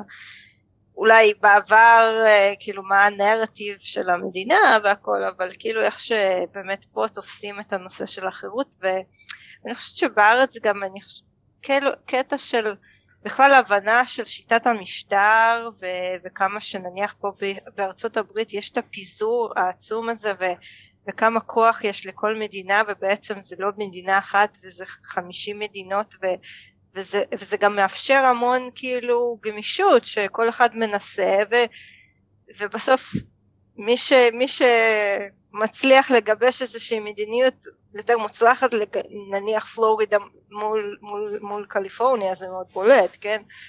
אז, אז אני חושבת שבארץ מאוד מאוד חסר ההבנה הזאת ש, שאפשר לתת, לפזר את הסמכויות וזה, ו, וזה דבר שאולי צריך לשאוף אליו וזה באמת לא, וזה מעניין כאילו אני חושבת שגם תמיר מדבר על זה. אה, תמיר דורטל, אה, כן. כן, תמיר דורטל מדבר על זה, וזה מעניין, כאילו אם, אם יש עוד, עוד תמיכה לרעיון הזה, כי אני חושבת שאני, כמה שנים שאני גרה פה בארצות הברית, התפיסה שלי במאוד, באמת מאוד השתנתה, ובמיוחד בקורונה, איך שכאילו הדברים האלה צפים, כמה שטוב שיש את ה... שלא בן אדם אחד קובע וזה לא... זה יש לא... לאן לברוח. כן, בדיוק. אה, כן. וזה, וזה דבר אדיר, זאת אומרת אני חושבת שההבנה שלי של כמה שהגישה האמריקאית ובכלל הרעיון הזה של לבנות שיטה שמפזרת את, ה, את הכוח בין הרבה מאוד גורמים היא, היא פשוט גאונית ו, ואני חושבת שזה באמת חסר מאוד ההבנה הזאת בישראל. זה מעניין אם יש עוד מישהו שתומך ברעיון הזה. כלליות אני חושב שבארץ באמת יש קצת אה, כאילו החינוך, החינוך שלנו בבית ספר נגיד מלמדים אותנו על טרומפלדור ואומרים איך הוא אמר בסוף טוב למות בעד ארצנו וזה כאילו אה איזה, איזה גיבור וזה כאילו שנים אחרי זה חשבתי על המשפט הזה וזה משפט שאני לא כל כך מתחבר אליו. כאילו אני, אני אוהב את הארץ אני זה, אבל אבל אני לא יודע אם טוב כאילו הארץ פה בשבילי ולא הפוך. זה כאילו מה מה קיים בשביל מה? האם אני קיים בשביל המדינה או המדינה קיימת בשבילי? זה נראה לי קצת הפוך באיך שמחנכים אותנו. לא, השאלה מה, מה בעצם מה הכוונה פה? כי אתה יודע יש עדיין רעיונות גדולים ודברים שאולי אתה יודע אני חושבת שבעיה של המערב כרגע זה שאף אחד לא לא מוכן למות בשביל שום דבר אפילו בשביל לשמר את החירות של האנשים. בשביל. הילדים. אז הנקודה אה, שלי בשביל הילדים אבל כאילו אז הנקודה שלי זה אם אתה לוקח את לא זה לכיוון של המדינה, כן. אז לא מדברים על זה בכלל, זה כאילו הוא אמר את המשפט הזה ואיזה, ואיזה גיבור גאון ואיזה משפט להגיד בסוף, נקודה. לא, לא, לא מפתחים את הדיון הזה קצת, לדבר על משמעות והעומק של זה וזה מרגיש לי חסר. אני, אני חושב שמאוד מאוד מובהק כן, דני רוצה להצטרף לדיון? כן, אז אמרתי שסתם הזכרתי את האנקדוטה שכשבאמת, נראה לי ביסודי באמת, אחלה דבר ללמד ילדים בגיל יסודי את המשפט של טרומפלדור, וזו בתור ילד אה, אפילו סיפרתי את זה לאבא שלי, אז אבא שלי בצורה קצת לא חינוכית אה, ציטט את הציטוט של אה, פטון, שהתפקיד של חייל זה לא למות בעד ארצו, אלא לגרום לבן זונה השני למות עבור מולדתו. שזה גם, גם איזו דוגמה, אבל באופן כללי, לפחות אצל טרומפלדור זה היה לא עבור ה state, אלא עבור ה... נקרא לזה באמת איזה לכאורה, מתייחס לנושא, כן, כמובן בארץ מתייחסים לזה אנחנו שוב כל מערכת החינוך או בכלל התפיסה באה מכיוון מאוד אטטיסטי של אה, מדינה כאיזה משהו נאצל אה, לעומת אה, הנרטיב האמריקאי של משהו שיש לחשוד. אז, אז אני רוצה רגע גם קצת להסכים גם קצת לאתגר. דבר ראשון, אליס לגבי מה שאת אומרת, אני חושב שישראל היא קיצונית בקנה מידה עולמי, כי לא רק בארצות הברית יש הפרדת או, או ביזור. בגרמניה יש, אם אני לא טועה, שמונה מדינות, ובצרפת יש אה, כמה עשרות, אני חושב איזה עשרים ומשהו, ואוסטרליה ו, וקנדה, רק בישראל הכל, אה, הכל, אה, את יודעת, במקום אחד, וכשאת יודעת, אין מיטה בבית חולים בצפת, אז אומרים, אך, ראש הממשלה הזה לא דואג. ובית חולים זה הדוגמה הכי קיצונית, וכשאין, לא יודע מה, יש בור בכביש, זה, זה הממשלה לא שמה מספיק כסף לתשתיות, זה, זה פשוט, שוב, מבחינת האתוס ומבחינת ה, איך שהדברים מסודרים, הכי ריכוזית שיש, וזה, חייבים לפרק את זה. משרד הפנים שולט ברשויות, אה, בכל תחום. אה, יותר מזה, אם תסתכלי על המחוזות השונים בישראל, את תראי שכל משרד ממשלתי מחלק את המחוזות אחרת, צרה צרורה, אה, וזה משהו שחייב להשתנות אם אנחנו רוצים באמת להתקדם ולשפר הרבה מאוד דברים במדינה.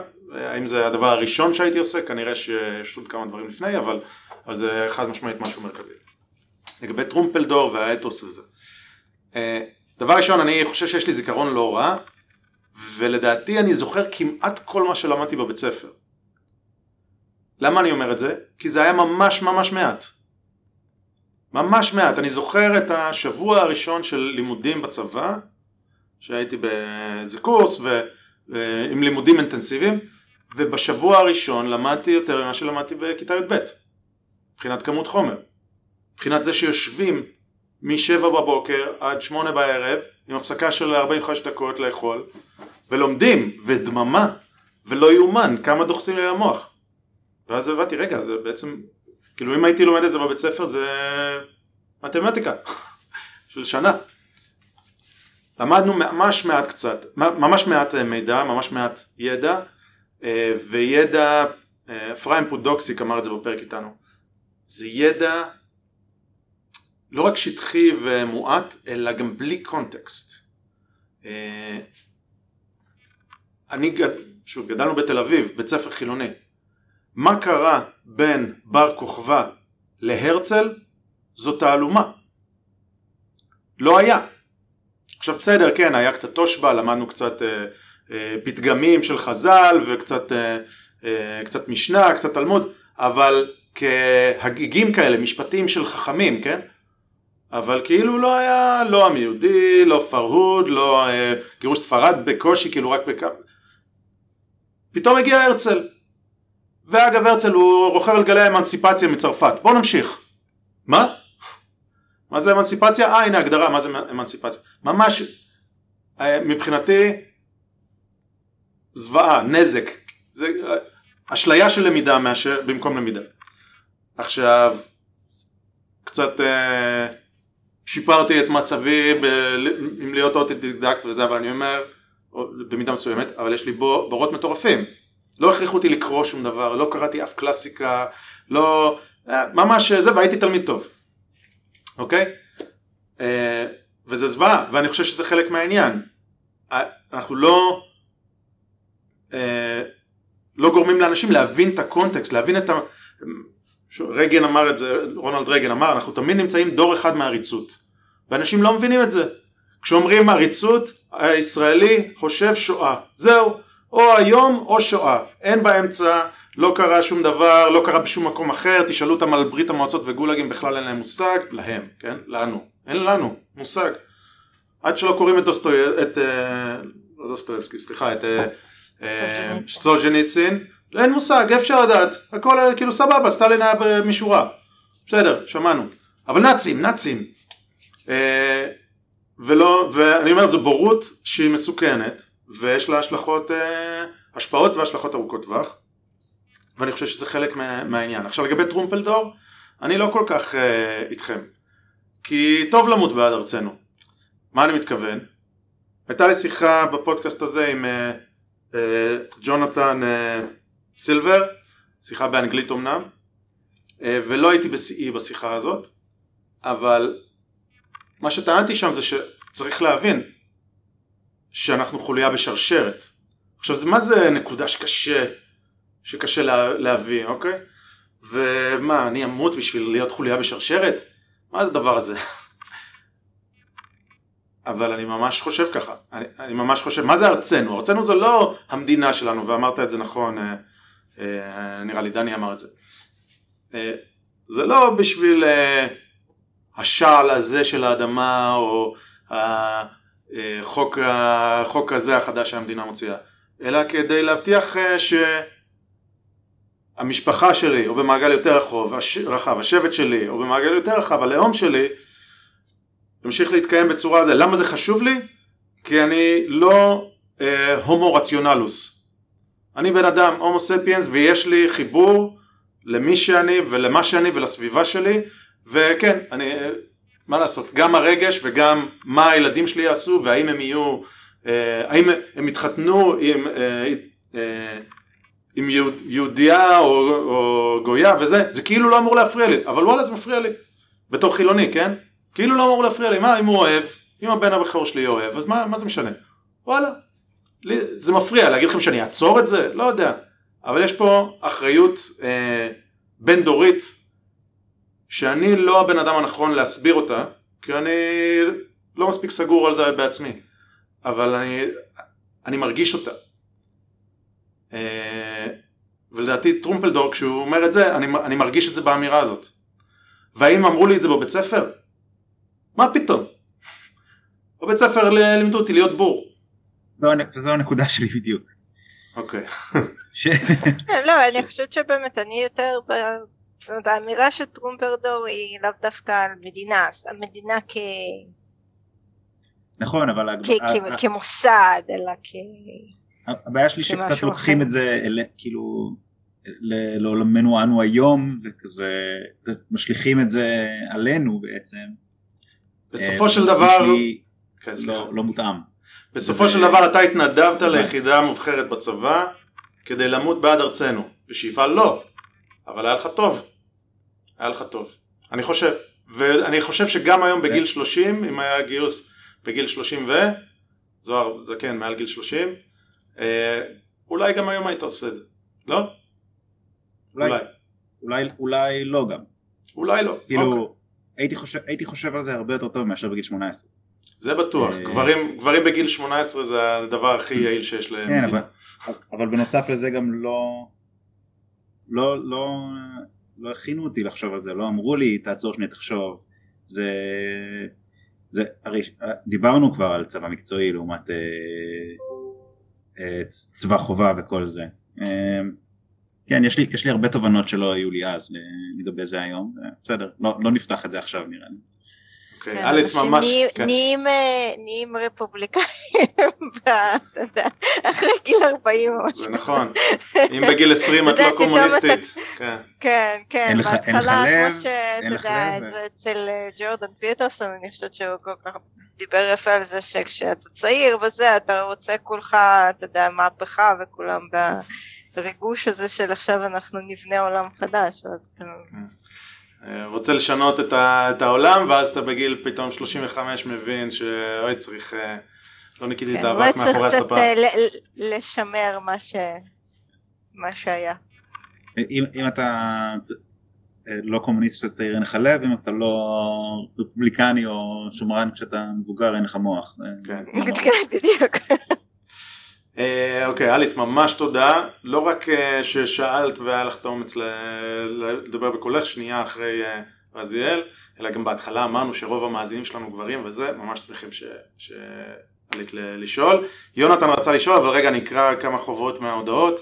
אז נתן אומר שהוא אהב את הפרק שהיה לנו עם שובל טירמן. שובל טירמן, כן. יש לנו שניים כאלה, הוא מפודקאסט אחר, דיוני שכל, שאתם יכולים להאזין לו, הוא עושה פרקים מעניינים, תדירות הפרקים שלו לא גבוהה, אבל היה לנו שני פרקים איתו, לדעתי הפרק השני קצת עלה על סרטון, או דיברנו אחד, שניים מעבר לאחד, אבל, אבל בסדר.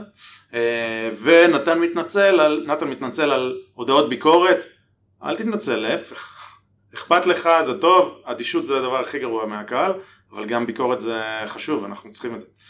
אה, יונתן רצה גם לעלות לשאלה, אז אולי ניתן לך לעלות בקולך, או שנקרא לך, את הטקסט שכתבת, יונתן? לא יודע, אולי אתה לא זמין לדבר.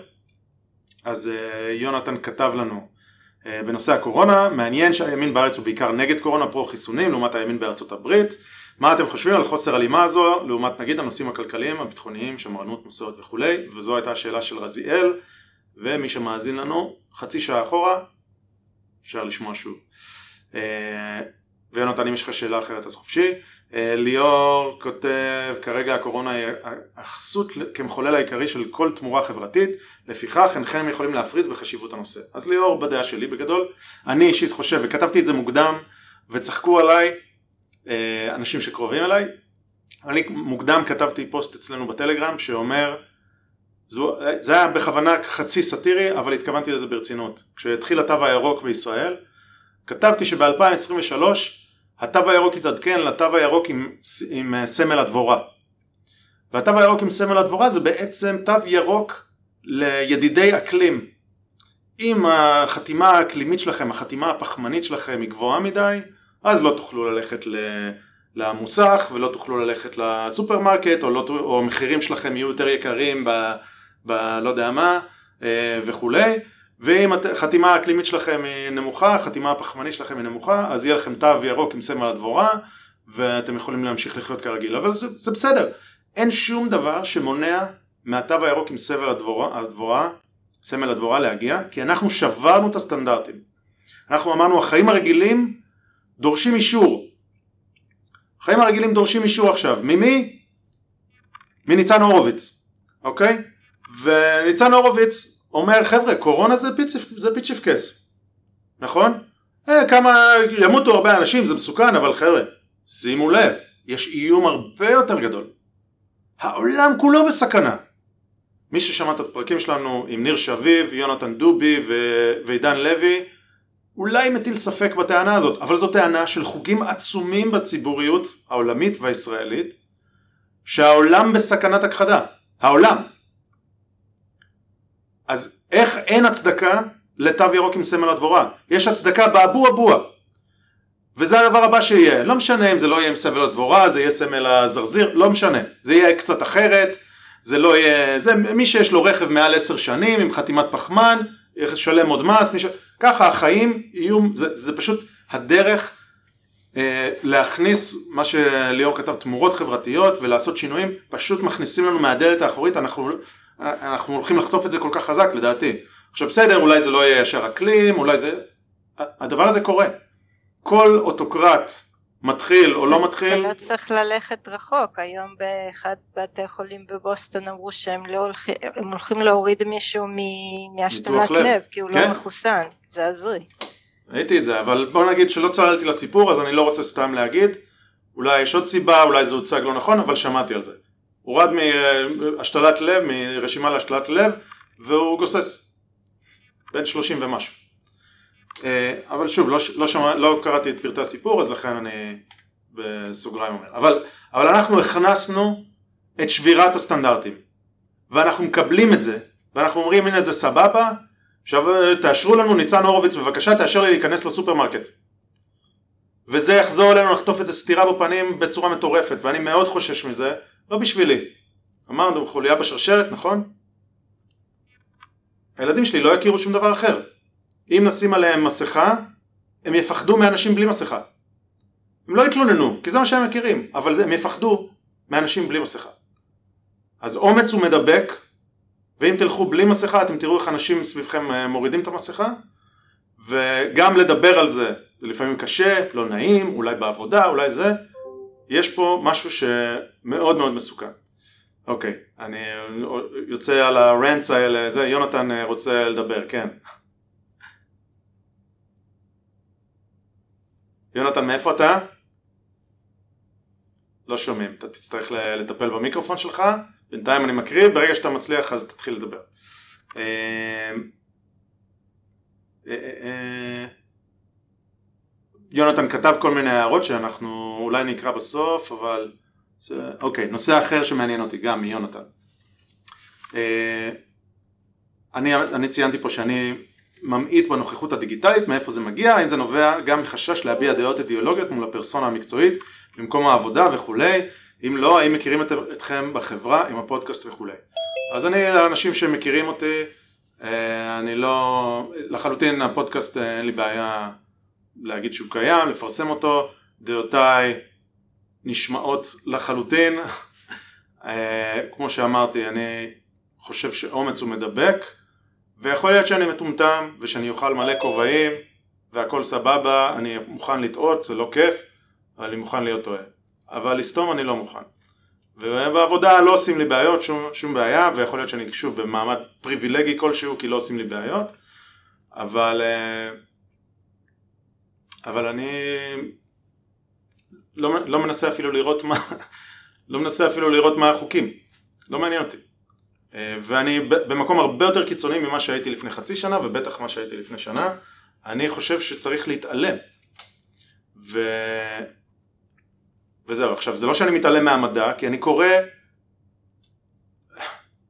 אני יודע, עכשיו הקצב שלי אולי קצת ירד, אבל קורא לא מעט מאמרים מדעיים, אני לא קורא כתבות ולא קורא טורי דעה, אני קורא מאמרים ואני יודע לסחוב את השיחה ויודע להצדיק את מה שאני חושב בצורה מצוינת, ושוב, יכול להיות שאני טועה בהכל, ואני מקווה שאני עדיין יכול להשתכנע אחרת. אבל שאלת על הנוכחות הדיגיטלית, זה בכלל לא קשור, זה לפני הקורונה, ואני הפחתתי, או תמיד הייתי ספקן לגבי לעשות, אני מוריד, הורדתי מעט מאוד אפליקציות, אני לחלוטין אה, לא במקום שבו אה, אני מרגיש נוח עם הנוכחות הדיגיטלית שלי, כי הייתי רוצה הרבה פחות, ולעבודה אני משתמש בדפדפן קרום, ואני משתמש בגוגל, וזה, אבל וואטסאפ הורדתי נגיד, ו... ואיפה שאני יכול לעשות דברים בפקס, סתם, לא בפקס, אבל איפה שאני יכול לעשות דברים שלא אונליין, אז אני עושה אותם לא אונליין, וזה מקשה על החיים. אבל uh, זה בא, לא יודע, יש לי אוריינטציה כזאת uh, הרבה זמן, ו...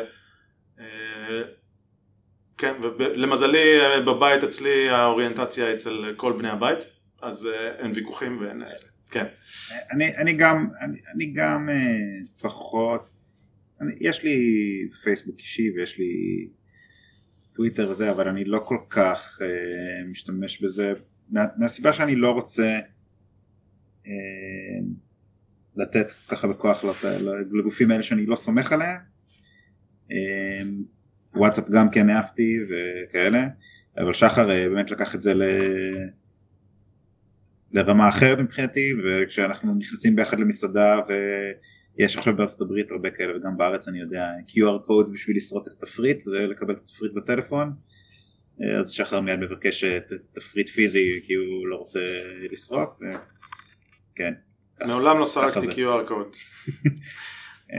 אני, אני לא יודע אם, אם בצדק להיות עד כדי כך אבל לא, נכנסת למאגר אבל אני גם מבין את זה. לא אבל, אבל, אבל מי שחי באיזה אגב אם האקר רוצה למצוא אותי הוא יכול הוא יכול. השאלה, השאלה היא לא ההאקר, כי האקר תמיד יוכל.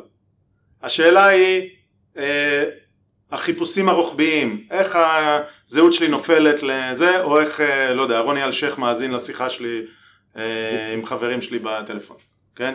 ומי ש, שהיה לגמרי לא מודע לזה, קיבל אה, סטירת, אה, סטירת השכמה בשבוע האחרון עם הסיפורים על משטרת ישראל. אגב, לא יודע איפה הייתם, כי אדוארד סנודן אמר בדיוק את אותו דבר, אחרי שכל ראשי מערכת הביטחון בארצות הברית שיקרו לקונגרס תחת שבועה ולא קרה להם כלום, אדוארד סנודן חשף את זה שה-NSO מאזין לכולם, NSA. כן. כן, לפני, לפני כמה ימים נכנסתי למסעדה והם ביקשו את המספר טלפון שלי אז נתתי להם. והתחרטת. ואז הם אמרו לי, זוהר? אמרתי, טוב, אני צריך להפסיק לתת את הזה. אוקיי. אמ, יונתן רוצה לנסות כן. שוב? אה, יונתן אני מצליח ואם לא לדעתי אה, ליאור רצה להגיד. כן יש פה כמה שאלות. ליאור, שאלת, אתה רוצה לעלות לשאול? כן, כבר עליתי. היי. ראשית, אמרת שחר שאתה לא מוכן לשתוק, אנחנו שמים לב, אבל אבל לא, זה הפודקאסט שלך. הרגשתי את העקיצה, הרגשתי. לא, אבל אני, אני נמנע, אני נמנע מלומר הרבה משיש לומר מאחר שוב פעם זה הפודקאסט שלכם, אז uh, אני פה בעיקר על תקן מאזין ולא על תקן מדבר. Uh, לצד זאת, אני רק אומר על מה שהגבתם לגבי התו הירוק, התו האדום הוא צריך לקרוא לו, התו, התו האדום, אדום, אתה מתכוון שחור, תו שחור, דגל שחור. יותר אדום פוליטי. אוקיי, אוקיי. טוב, מי אני שאטען את זה? קטן וזוטר כמוני, אבל uh, אני טוען ש-2021 תיזכר בתור השנה שבה החלפנו את מי שיושב ליד uh, מושב הנהג מארצות הברית לסין. וכמובן שכולכם מודעים לשיטת הדירוג uh, שקיימת בסין, ובעצם התו הירוק הוא שלוחה של הדבר הזה.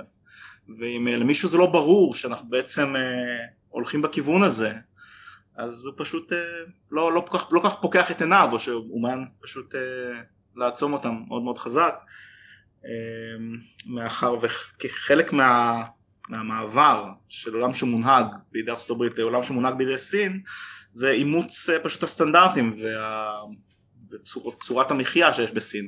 אז נכון שעדיין אנחנו לא מדברים מנדרינית ולא כל כך רוב מה שנעשה שם די אה, נסתר מ... בעצם אה, מהחיים של מה שאנחנו מכירים אבל זה יזלוג. ודעתי רק שהתו הירוק זה התו האדום או בעצם רק הסיימן הראשון של זה. אימצנו את המדיניות קורונה של סין מיד במרץ 2020 אה, ואני הגנתי על זה ואני הייתי המתריע בשער בפני כל קרוביי ומכריי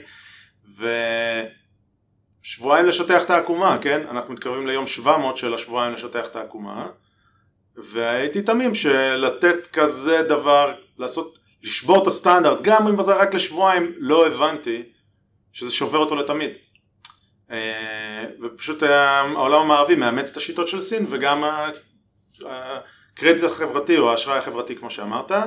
אה, ומה מה רציתי להגיד בהקשר הזה? אה, לא זוכר כרגע רציתי להוסיף עוד משהו. אין ספק שכל המשבר המגפה הזו לקח את עינינו בהרבה נושאים גם בנוגע לשוק חופשי וליברטריאנות וכל זה. אמ, כמו שאמרתי מקודם, אני חשבתי, חשבתי שכאילו השוק החופשי והעיניים של האוכלוסייה תעשה את שלה ויפחדו, המניה שלהם תתרסק וזה, אה, אבל אה, כן, כנראה שכשיש לך הרבה כוח אז יש לך הרבה כוח, לא משנה אם אתה גוף ממשלתי או, או חברה עשירה מאוד וגופי תקשורת אה, עם גופי תקשורת בכיס. כנראה... דיברנו, דיברנו על זה בפרק עם פייגלין, לי היה משבר אמון ב, ביכולת של השוק החופשי לווסת דברים. אה, בגלל ה... כנראה תופעות לוואי מטורפות שיש מהחיסון, ושוב, יכול להיות שאנחנו טועים, אבל כרגע יש יותר מדי סימנים לזה שהחיסון לא עושה, או מביא עמו הרבה סיכונים, בסדר? יש לו גם יעילות מסוימת, אבל השאלה אם זה שווה את זה. ופתאום לא מדברים האם זה שווה את זה, אלא רק על היעילות המסוימת שהוא מביא. אה, והיה לי משבר, האם אה, השוק החופשי לא שם לב לבעיות. ו... וההבנה שהייתה לי, אחרי המשבר הזה, שהרשו לי רק לפקפק בהבנה שהייתה לי, כי יכול להיות שאני רק מחפש אישרור אה, לעמדתי הקודמת. אבל ההבנה שהייתה לי שלא היה פה שוק חופשי, כי ברגע שה-FDA אומר סבבה, לא צריך שוק חופשי. ברגע שהמדינה מממנת את uh, עמותת X, אוקיי? או לא משנה, את הרווחה uh, בנושא X, לא צריך לתרום לעמותה, כי המדינה עושה את זה. ברגע שהמדינה נכנסת ונותנת את החותמת שלה על משהו, אז, uh, אז זהו, אז, אז סבבה, השוק החופשי לא נכנס לשם אפילו, אין מה לדבר. ה-FDA בקטע הזה וה-CDC הם, הם מכשול בפני השוק החופשי. בכוונה, לא בכוונה, דיון אחר. עובדתית זה מה שקרה. היה אישור חירום וזהו. אף אחד לא קרא את האישור חירום, אף אחד לא פיקפק בו, אף אחד לא ניסה לעשות לו עדכון, אף אחד לא זה. יש אישור, מה אתם רוצים? זה מגיע כסטמפה, כתעודת כשרות מה-FDA בכל דיון. מה, אתה יודע יותר טוב מה-FDA? אז, אז זה ממש מבטל דיון, מבטל שוק חופשי, זה ממש היה, אה, העוצמה של זה הפתיע אותי בטירוף, כי זה לא תופעה חדשה, אבל זה פשוט ביטל לחלוטין את כל מה שציפיתי שהשוק החופשי יעשה, וזוהר גם דיברת על זה, כאילו שאמרת לא לכו להתחסן. אני לא מסכים עם זה לגמרי, אבל שזה ביטל את השוק אני חושב שהיה לזה השפעה משמעותית, אבל, אבל כאילו עדיין אה, יכלו, יכלו לראות את התוצאות, להגיב בהתאם, אה, מדענים יכלו לבקר, אנשים יכלו לבקר, כאילו זה לא ש... שלא הייתה אפשרות לדיון פה ו... והחלטה בהתאם. לא, לא, פשוט... אה, יכולת ברור שהייתה, יכולת ברור שהייתה, אבל לא היה צורך. הנה הגורמים המוסמכים אמרו, מה, גם היום אותם אנשים שזה, הנה תראה, אוקיי. אה, רופא, רופא ממשרד הבריאות או לא משנה, מישהו זה אומר משהו. אפילו חברה אחת נגיד כמו מודרנה יכלו לרדת על, על החיסון של פייזר ולהגיד הנה תראו הוא עושה בעיות כאלה ואחרות בשביל שיקנו את המוצר שלהם יותר ופחות המוצר של המתחרה אבל זה לא קרה בכלל. כאילו אני מסכים עם זה שיש לזה השפעה משמעותית אבל אבל המעט שוק שיכל להיות פה גם לא קרה זה מה שאני אומר שזה כאילו משהו אחר לגמרי ממה שציפיתי שיקרה ופקח את עיניי לגמרי. אה, שחר אבל אם אה, אם יורשה לך. שי להעיר.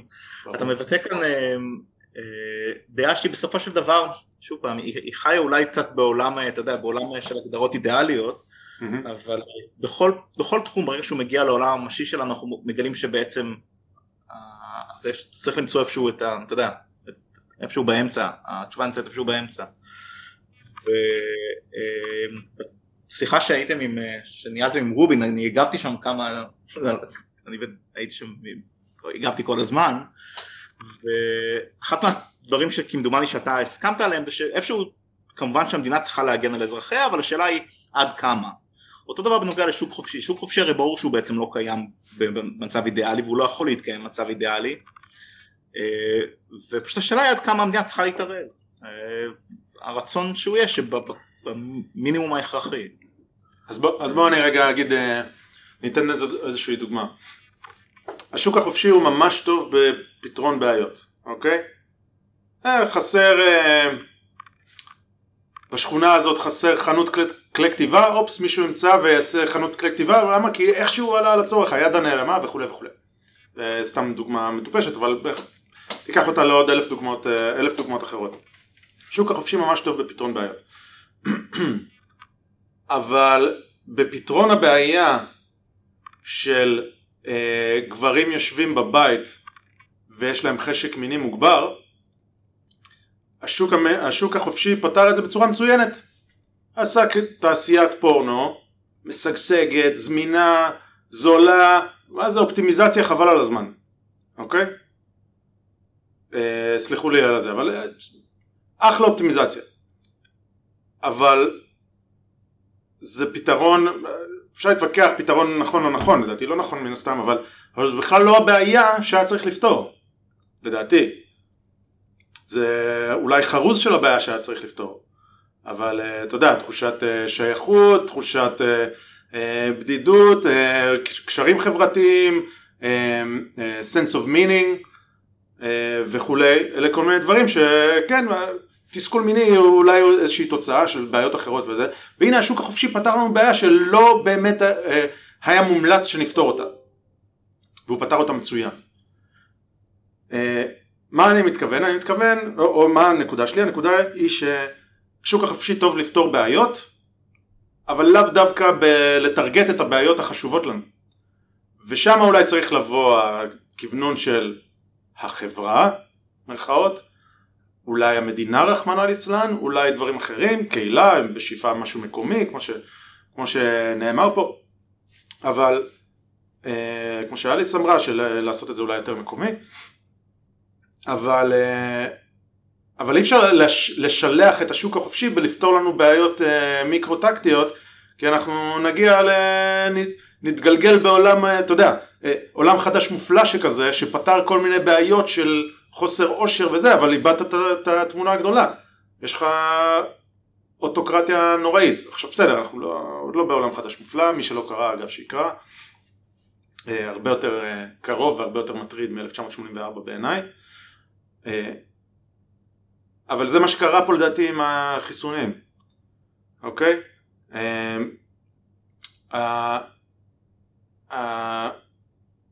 השוק החופשי כאילו הלך אולי לפתור דברים אחרים, או, או הוא לא היה שם כדי לפתור איזושהי בעיה, כי המדינה אמרה פה לא צריך, צריך דברים אחרים, או לא יודע, השוק, השוק לא מצא את עצמו ללפתור איזושהי בעיה, או, או לבקר משהו סופר דרמטי שאין לו תקדים ולא קרה, של חיס... תרופה שיוצאת מוקדם, סליחה, יש תקדים בעבר, אבל בוא נגיד בחמישים שנה האחרונות.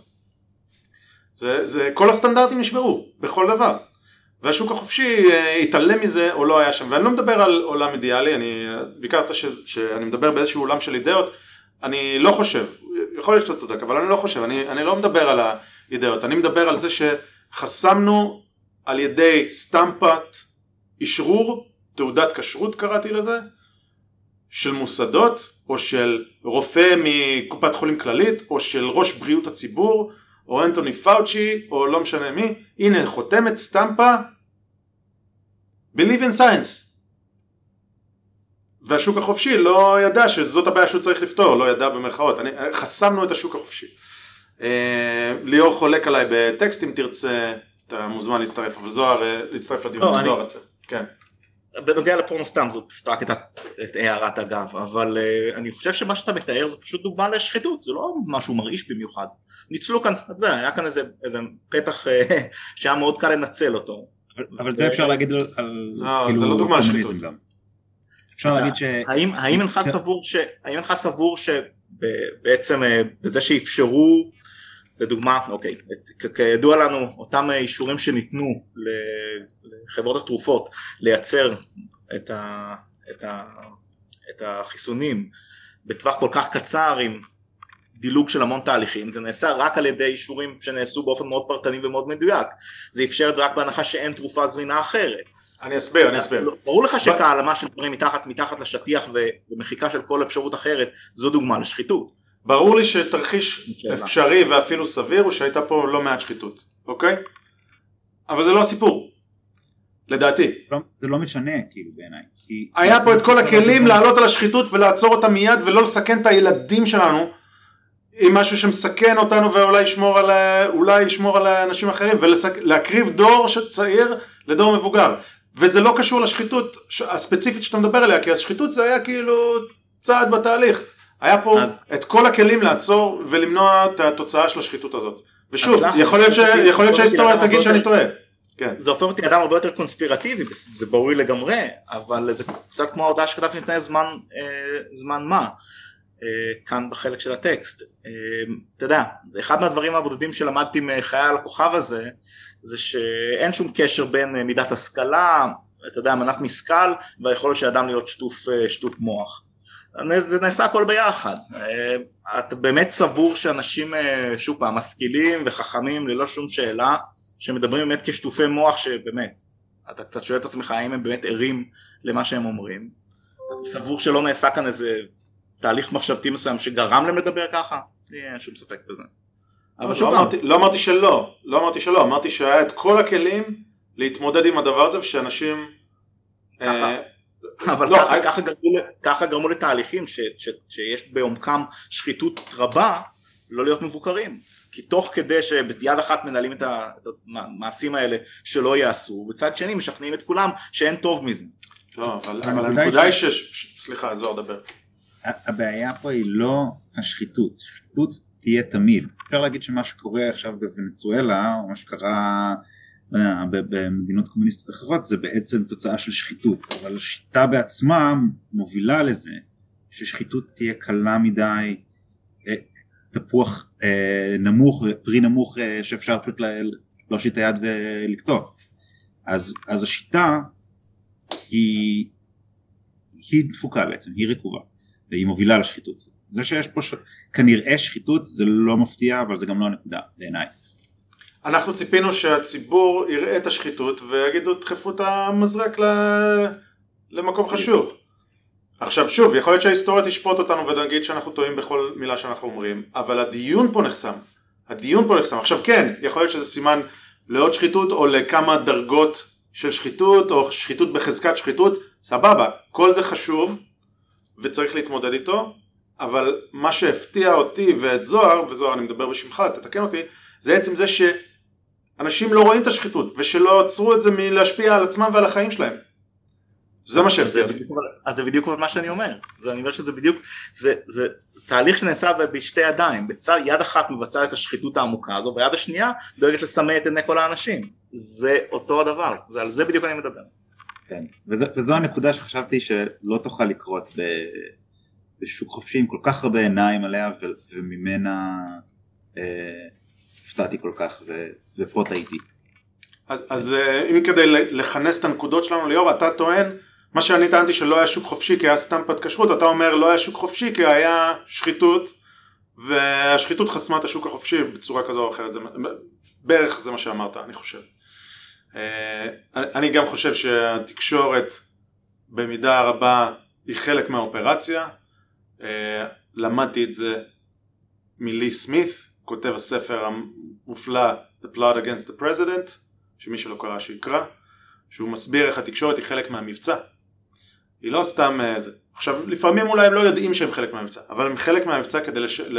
ל... לעבור לשלב הבא, וגם פה התקשורת הייתה במידה רבה מודיעה לנו מה אמרו המדע, ולא מפקפקת ולא שואלת ולא עושה מספיק וזה.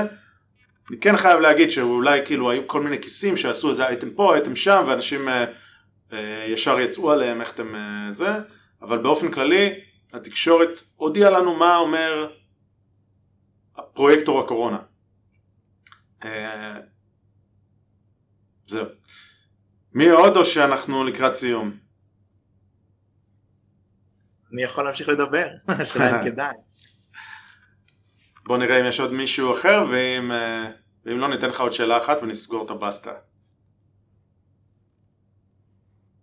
קריאה ראשונה, שנייה. יאללה ליאור, לך על זה עוד שאלה אחת. טוב, למען האמת אה, לא היו לי כאן מספר שאלות, אבל אני לא אגיב רק למשהו ש, שזוהר אמר. אה, אתה אמרת שדווקא בתחום שלך, היכולת אה, לזהות את, את השגיאה שלך ולהכיר בה, זה דבר מהותי, ואני חושב שקודם כל זה דבר מהותי בהרבה מאוד תחומים, אבל אתה יודע, טיב האדם לא... מדענים הם לא מתעלים מעל טיב האדם. והיכולת של אדם להכיר בטעות ובשגיאה ולהודות בה, שזה כמובן הצעד הראשון כדי, כדי לתקן דברים, אני שם לב שזאת אה, תכונה מאוד נדירה. אה, שזה גם כנראה מה שמאפיין את אה, מה שקורה סביבנו באופן כללי. כן, אני קודם כל אני מסכים שזה כנראה בהרבה תחומים ויש לא מעט מדענים שהולכים על נרטיב לא, לא מסתכלים לאחור. אה, אני, אה, לשמחתי היה לי כמה אנשים שלימדו אותי את ה, את ה, איך לעשות מדע. כשהתחלתי כשהייתי אה, גור מדענים, אז כן, לימדו אותי מאוד טוב, מאוד, מאוד שמח, היה לי כמה, כמה אנשים כאלה שלקחו אותי תחת חסותם ולימדו אותי ואני באמת חושב ש... מלבד כאילו הערכים והחינוך שקיבלתי מהבית אה, הנקודה הזו שכאילו הפילוסופיה של, של איך מדע צריך להיראות ושזה הכל בעצם תיאוריה שאתה מוכיח רק על ידי זה שאתה מוכיח אחרת בעצם שובר אותה על ידי להוכיח אחרת וכל הזמן לחפש ביקורות וכל הזמן לחפש אה, שגיאות אה, כן, זה, זה משהו שלימדו אותי כאילו לעומק, הבנתי את זה לעומק ואני לוקח את זה איתי עד היום. אה, יש ציטוט של אה, תומאס סול שאני לא אצטט אותו מילה במילה כרגע, אבל אה, שאין דבר יותר מסוכן מבורותם של המשכילים. כי לא רק שהם יותר מאמינים במה שהם חושבים, הם גם בעלי עמדות כוח והשפעה הרבה יותר גדולות. אז ברגע שיש לך משכילים שהם בורים זה הרבה הרבה יותר מסוכן. ובועז פה ממליץ אה, על הפרק של אה, hmm. אה, The Portal של אריק ויינשטיין עם אח שלו, פרק שהמלצנו לדעתי גם ב... אני חושב שהמלצנו ונשים... נשים פה את זה הקישור. פרק שמדבר על אה, כמה סיפורים אה, מהותיים מהאקדמיה, אבל זה נותן את ההלך רוח של הרבה דברים שקורים. חייב להגיד, האקדמיה זה גם, זה גם נושא שיחה מאוד מעניין שאנחנו צריכים לעשות עליו פרק. אה, יש הרבה ריקבון ובעיות מהותיות במערכת הזו. בגלל זה אני כרגע שוחה עם הזרם, אתברג שם נהיה ראש האקדמיה העולמית מתישהו, ואז, אני- ואז אני אשנה את הכל. אה, אצבעות. אוקיי. אה, דבר ראשון, תודה. רבה לכל מי ש... לכל מי שעלה, איזה כיף היה לראות, לדבר, אה, לשמוע, להבין שאנחנו לא רק מדברים לעצמנו, והמספרים שאנחנו רואים בנתוני האזנות זה לא רק ביטים. אה, אז ממש שמחים שהצטרפתם, ממש שמחים על השאלות. כל מי שמודה פה בטקסט אז אה, תודה רבה לכם גם כן. אני בכל זאת אתן איזו המלצת תרבות, זוהר לא יודע אם חשבת כדי לשלוח אתכם ככה אה, המלצת תרבות. אני קצת חנון ומי שמאזין אולי יודע. יצא לא מזמן סרט של ספיידרמן מהיקום של מארוול, אני לא כל כך נהניתי ממנו למרות שצריך לראות אותו מי שנשאר שם בזה. יש סרט של מארוול שאולי חלק פספסו גם מאלה שאוהבים וזה סרט אנימציה שנקרא Spider-Man into the, the Spider-Verse. אה, זה סרט אנימציה של סוני שהוא stand alone, אני חושב שהולכים להוציא עוד סרט כזה, אבל זה פשוט שווה, גם אם נמאס לכם וגם אם זה, הסרט הזה פשוט שווה, אם אתם קצת חנונים כמוני, אז זו המלצת תרבות שאני בפה מלא אומר לכם, Spider-Man into the Spider-Verse, לא יודע איך קוראים לזה בעברית, מתנצל, שווה לאללה. אה, כן, מעולה, ממליץ, ממליץ גם. אה, אני אמליץ על, יש אה, להקה שנקראת רויאל בלאד, שאני כזה מכיר אותם כבר, כבר כמה שנים, אבל עכשיו אה, לקראת אולי הופעה, זה עוד יתרון, זה יתרון שיש בניו יורק, אני יכול ללכת להופעות של אה, להקות בינלאומיות, ואני כנראה אלך להופעה שלהם, ואני עושה כרגע שיעורי בית, מקשיב, זה הם, הם זוג בריטים, אחד על תופים ואחד על בס, והצלילים שהם מוציאים רק משני הכלים האלה מדהימים אותי, זה במקרה גם שני הכלים שאני הכי אוהב בכל להקה בערך, אני תמיד מקשיב אה, להם ספציפית. אה, אז אני ממש אוהב, יש להם כמה שירים, סגנון מיוחד כזה, שלושה אלבומים, אה, ממליץ בחום, רויאל בלאד. זהו.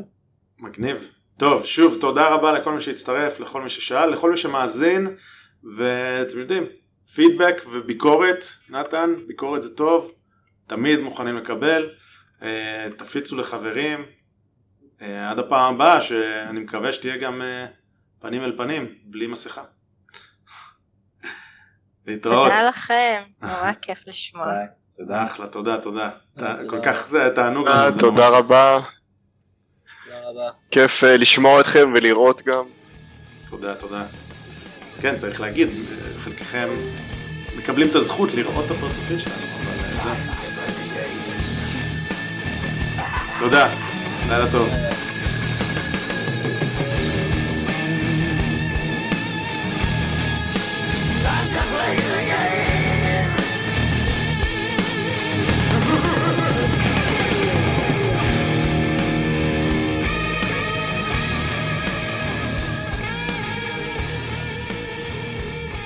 אם אהבתם את מה ששמעתם, אתם מוזמנים לעקוב אחרינו ולהצטרף לערוץ הטלגרם שלנו.